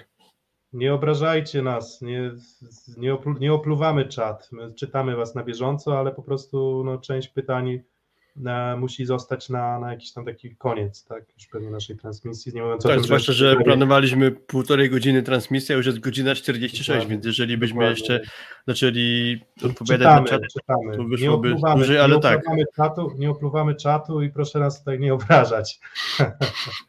co, najwyżej, co najwyżej małe ujki, za nie tam jakieś tam, wiecie, duże uje, jak coś. Um, właśnie, no i teraz jeżeli chodzi o PGS Kre, no to co, no to Dick Coy, no co, no zagrał chyba dokładnie to, czego, to czego się spodziewaliśmy, w sensie, się no to może być, tak, czyli potencjał w ofensywie jakby sprawuje się dobrze, to, że nie dostawał wielu piłek w trzecim i czwartym secie, to jeszcze jakby na pewno go nie przekreśla, ale w ataku generalnie dobrze, w zagrywce dobrze, w przyjęciu ma problemy, niczego zaskakującego tu nie ma. Złączył go z Bergerem i będzie drugi Leon biały. I coś, co, I coś, co w miarę, myślę, musi cieszyć też kibiców e, PGS Kry, no to były wątpliwości co do formy Milada Badipura, no ale zaczął dobrze, więc Mhm. to też jest tak, że gdybyśmy tam dorzucili go do tej listy, nie chcę mówić MVP, no bo on miał dyskretniejszy ten występ niż Koi, w sensie Koi miał te dwa sety bardzo, bardzo dobre, potem już trochę ukryty, a Badipur tak trochę powoli, powoli tam dokładał przez cały mecz. Nie był to występ perfekcyjny, ale myślę, że przyzwoity. Mm, No i co? I myślicie, że to jest jakiś prognostyk tego, że PGS Kra jednak może być, nie wiem, włączyć się tam pod tę walkę o medale? No bo tak jak mówiliśmy za każdym razem w każdej tej naszej transmisji przedsezonowej, mm, że bardzo szeroka, bardzo szeroka jest ta grupa pościgowa, gdzie masz drużyny z miejsc 4, tam 8 powiedzmy, tak, które, które, które gdzieś tam mogą nieśmiało liczyć na to, że przy jakimś zbiegu okoliczności dobrym trafią do, mm, do półfinału. No to pytanie właśnie, czy, czy, czy PGS Kra z Kojem i Atanasiewiczem może według Was? Znaczy moim zdaniem, Czy, znaczy, czy, pytanie, ten ustawimy ten, w Waszej ocenie? O. pytanie, nie, ten mecz nie zmienia niczego w mojej ocenie, też jakby chcąc odpowiedzieć, to musiałbym wiedzieć powiedzmy, gdzie wisi ta poprzeczka, którą Skra miałaby przeskoczyć, jeżeli to jest podium, to ja dalej nie widzę ich na podium, bo moim zdaniem mają po prostu za dużo e, mankamentów albo za mało argumentów, żeby rywalizować czy to z Resowią, Jastrzębiem, e, Zachsą, może nawet Zawierciem. Kiedy Więc no- są, kiedy są kolejki takie y, już takie bardziej mecze, kiedy przestajemy już grać jakby drugi z 11, drugi z... Tak. od, trzeciej, od trzeciej kolejki już tam No się zaczyna. wtedy zobaczymy trochę już więcej, tak? Też będzie, że dwa tygodnie Czwar- czwarta kolejka, Skra jedzie do Jastrzębia. Tak, No i mamy wtedy- Piąta, wtedy mamy piąta to. kolejka, Kędzierzyn przyjeżdża do Bełchatowa, więc czwarta, Mhm. piąta kolejka to już może nam sporo powiedzieć, a szósta to już w ogóle, bo Skra jedzie do Warszawy, także tu już będzie Mamy dużo... wtedy, zobaczcie, już 10-12 treningów po rozpoczęciu ligi, pełne składy. Będzie fajne granie wtedy. Tak, no a, a wiecie, a fajne granie może też być w kolejnej kolejce, jeśli AZS się zbuduje. Mm, Mm, tak, no czyli bo do Bełchatowa wybierają się Olsztynianie. Tak, dobra. mhm. Do Bełchatowa przyjeżdżają Olsztynianie, no i wtedy zobaczymy, czy, czy, czy, czy jest to jakaś nadzieja na, nie wiem, ze strony Olsztyna, to to już będą, wiecie, te wszystkie bezpośrednie mecze już tak powoli będą coś mówić, tak? Na zasadzie, no jakby, nie wiem, Skra zdemolowała Olsztyn, no to można byłoby mieć jakieś tam lekkie obawy, no bo wszystkie drużyny się budują. To też nie jest tak, że, że, że tylko Indyk Polacy to jest tą drużyną, która gdzieś tam się musi zbudować i musi, nie wiem, wypracować sobie jakieś tam mechanizmy swoje, żeby, e, żeby punktować. Mm, No ale to też na pewno będzie jakaś tam kolejna weryfikacja tej, tej PGS Krybełchatów, a może, a może nie będzie to żadna weryfikacja, może po prostu Indyk Pol nie będzie aż taki mocny w tym sezonie. Um, zobaczymy. Mm, Dobra, mm, to teraz pytanie jeszcze, czy ten, czy, czy pokazujemy tę naszą grafikę z siódemką kolejki, jak, jakich my sobie wybraliśmy, czyli zazwyczaj wybieraliśmy zawodników, którzy byli to naszą, według naszej opinii najlepsi, najlepsi w kolejce, no i um, pokazujemy i dajcie znać, czy się zgadzacie oczywiście, bo, bo, bo pewnie część kandydatur może nie być taka oczywista, mm, ale proszę bardzo, już pokazujemy, jesteśmy. Czyli tak to widzimy. Pomimo porażki Bartłomiej Bołądź był naszym zdaniem najlepszym atakującym tej rundy. Jay Blankenau to zachwycony Filip. Nie, nie dał nam dać kogoś innego, więc, więc poszedł na Blankenała. Fornal, fantastyczny mecz, w zasadzie bezbłędny, poza tam dwoma błędami w przyjęciu, wszystko wychodziło.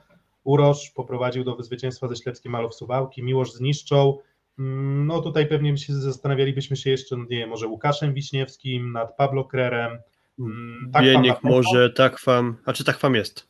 Tak, więc Takwam na pewno, z tym zniszczołem to tak okej, no tam daliśmy, no bo najciekawszy mecz w sumie z Suwał, Suwałk to z Suwałkami, więc dlatego właśnie Zawiercianie dostali jeszcze drugą nominację, no i Jakub Popiwczak, który był no nie do złamania w przyjęciu, czyli a, nie był nie, złam, nie do złamania w przyjęciu, no i dalej no będzie ogromnie mocnym punktem Jastrzębskiego Węgla, tak, bo, bo, bo, bo, bo on nie broni nad siebie, tylko tam dogrywa to Nutiemu na nos i te kontry będzie Jastrzębskiego Węgla napędzał.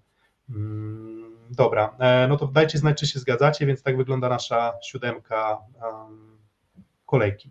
No Tak, od razu padło nazwisko Semeniuka. Myślę, że też mógłby się spokojnie znaleźć, ale trzeba było po prostu kogoś tak. wybrać. I, teraz, pewnie na Twitterze. I druga siódemka, proszę bardzo, Duszan Petkowicz, tak jak wspominaliśmy, Majka ma, um, bo tak się zastanawialiśmy, czy tam może kogoś z IKS-u Katowice za tę niespodziankę też nie dorzucić do, do, do pierwszego składu. Kamil Semeniuk oczywiście, Kwolek to chyba takie bez zaskoczenia e, kandydatury. Mm, jakieś e, honorable mentions, kogoś, kogo byście wyróżnili jako... No Koj pewnie, którego tu nie, się nie zmieścił. Jako, jako Koj nie- ewentualnie rozgrywający tylko e, Janusz?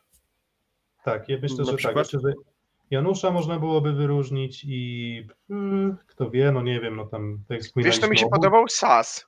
W obronie bardzo się uwijał Sas. z, z Kuprum, no ale no bez wiadomo, no. Znaczy on też nie grał od początku i wchodził tylko do obrony, ale tak, kilka Tak. pozytywnych tam interwencji zaliczył w obronie, to tak. O, czyli obrony Sasa nie leciały od Sasa do Lasa. Tak. Tylko od Sasa do siatkasa. Dobra, okej, to chyba. Zaczynamy jest, po litewsku gadać. Godzina jest 53 już po litewsku.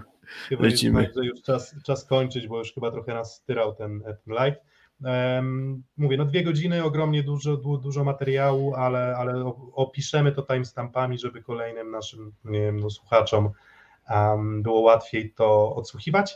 Em, no i co? I teraz, jeżeli chodzi o plan transmisji dalej, to tak naprawdę też nie wiemy, wyjdzie to w praniu, albo jeszcze będzie chwilę czegoś przed startem kolejki, bo jeżeli chodzi o tę naszą następną kolejkę, no to mamy mecze Jastrzębski Węgiel Nysa o 17.30 w piątek, projekt Warszawa Kuprum o 20.30, o 14.45 Ceratenea Czarni Radom mogą przeżywać męczarnie, kolejne zresztą z grupą Azoty Zaxo. GKS Katowice za Sekorysowią Rzeszów mecz wyjazdowy, w sensie dla Resowi, kolejny zresztą, przyjeżdżają do, do Katowic, Śledz Malow Suwałki z Luk Lublin, Trefl Gdańsk z Aluronem CMC Wartów Zawiercie, no i PGS Krabeł Chatów z Indyk Polem AZS Olsztyn. Jaki hit kolejki według Was?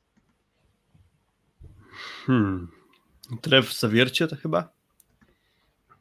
No myślę, że to najbliżej drużyny siebie, tak? W sensie, jeżeli chodzi o poprzedni sezon, ale jeżeli nie zagra Lipiński, no to, no to nie wiem, to... Więc, początki, więc y, no na pewno Tref Gdańsk y, z Zawierciem albo Skra z AZS Olsztyn, tak? Mhm. Takie, takie, takie, takie dwie, dwie mi się nasuwają a, propozycje, ale mm, prawda jest taka, że na początku sezonu na pewno gdzieś tutaj będzie niespodzianka. No i jak myślicie też, gdzie według Was taka niespodzianka mogłaby mieć y, miejsce? Mm, może plamy zmarzy Olsztyn i ogra Skrę, to moim zdaniem będzie jakaś tam niespodzianka. Mhm. Mm, Co więcej, nie sądzę, żeby Gieksa dała radę z Resowią, bo trochę wykorzystali brak Lipińskiego, czyli mankament duży po stronie Trefla. Czyli, czyli wygrywają pewnie, no bo to tak to z tymi typami bywa. No sporo jakby niespodzianek A może Katowiczanie potrafią sprawiać z Resowią. Wiecie, to będzie David Wenta, jeżeli by mu się jakiś dzień konia zdarzył albo, albo jakieś niesamowite nie liczby, to kto rozpisany, wie. wiesz, nie rozpisany. Jakieś dzikie właśnie liczby, dokładnie. Nie wiem, zna- znakomicie się gra Warszawa w bloku, więc może mu być bardzo trudno, ale, ale kto wie. Nie wiem, Luk Lubin widzę no sporo problemów, więc chyba nie sądzę, żeby dobrze poukładane suwałki miały tutaj przegrać. Tak, no Jastrzębie, Jastrzębie z Nysą, no to nie, no, no way, nie sądzę. Tak samo jakoś nie widzę, jak, nie widzę jakiejś nagłej, cudownej domian. Raczej potrzebują trochę więcej czasu, żeby swoją grę poukładać jeszcze. No i kto wie, co tam z tym Lukiem Lublin, no ale jednak suwałki ułożone lepiej, tak, więc myślę, że to będzie no, równiej, no to musi być równiejszy mecz niż ten oryginalny Lublina na start sezonu z Jastrzębiem. Może tam, tylko że, tylko że nie wiem, no nie wiem, może Włodarczyk już coś pomoże. Czy wiem, że wznowił treningi, był już w kadrze meczowej w, przeciwko Jastrzębskiemu Węglowi, ale, ale wtedy jeszcze jakby od razu było wiadomo, że nie zagra w piątek. Dokładnie, więc mówię, no kilka, kilka tych spotkań, ale jednak te dwie, dwie kolejki i tutaj się zgodzę z tym komentarzem na czacie, że raczej jakbym przewidywał, to, to mówię, gdzieś niespodzianka się pewnie trafi, ale jakbym typował, to oczywiście nasze typy gdzieś tam pewnie w social mediach e, udostępnimy, no ale Jastrzębie za trzy punkty, Projekt za trzy punkty, Zaksa za trzy punkty, Resowia za trzy punkty, nie wiem, podział w trefl z zawierciem, bo myślę, że tref drugiego takiego słabego meczu nie zagra, może podział w meczu Bełchatów AZS, a reszta to, to raczej zwycięstwa 3-0, 3-1. Mm, No ale dobra, mecze dopiero za tydzień, więc dzięki temu, że te mecze będą się rozgrywać w tym rytmie cotygodniowym, no to dopóki COVID nie zdemoluje rozgrywek, no to będziemy mieli sporo czasu już na przemyślenia. Um, no i zobaczymy, nie wiem czy jakoś zapowiedź kolejki, trudno nam powiedzieć, ale mamy nadzieję, że to nasze nagranie dzisiejsze i te no bite dwie godziny o, o, o wydarzeniach tej ostatniej kolejki myślę, że mogą być dobrą zapowiedzią też kolejnej. Mm, przy czym, tak jak mówię, z taką, jak to mówią, z, ze szczyptą soli można przyjąć te nasze, jak to Anglicy mówią, że można te nasze wszystkie przewidywania przyjąć, bo po drugiej kolejce może nam się to wszystko odmienić i nagle wtedy będziemy mówić, że nie wiem, nagle wszyscy atakujący jednak wyglądają fenomenalnie ze swoimi rozgrywającymi, e, ale przekonamy się, jak na razie atakujący to nie jest liga dla atakujących. Dobra, e, finish. Tak, dzięki, do usłyszenia następnym razem. Hejka, trzymajcie się.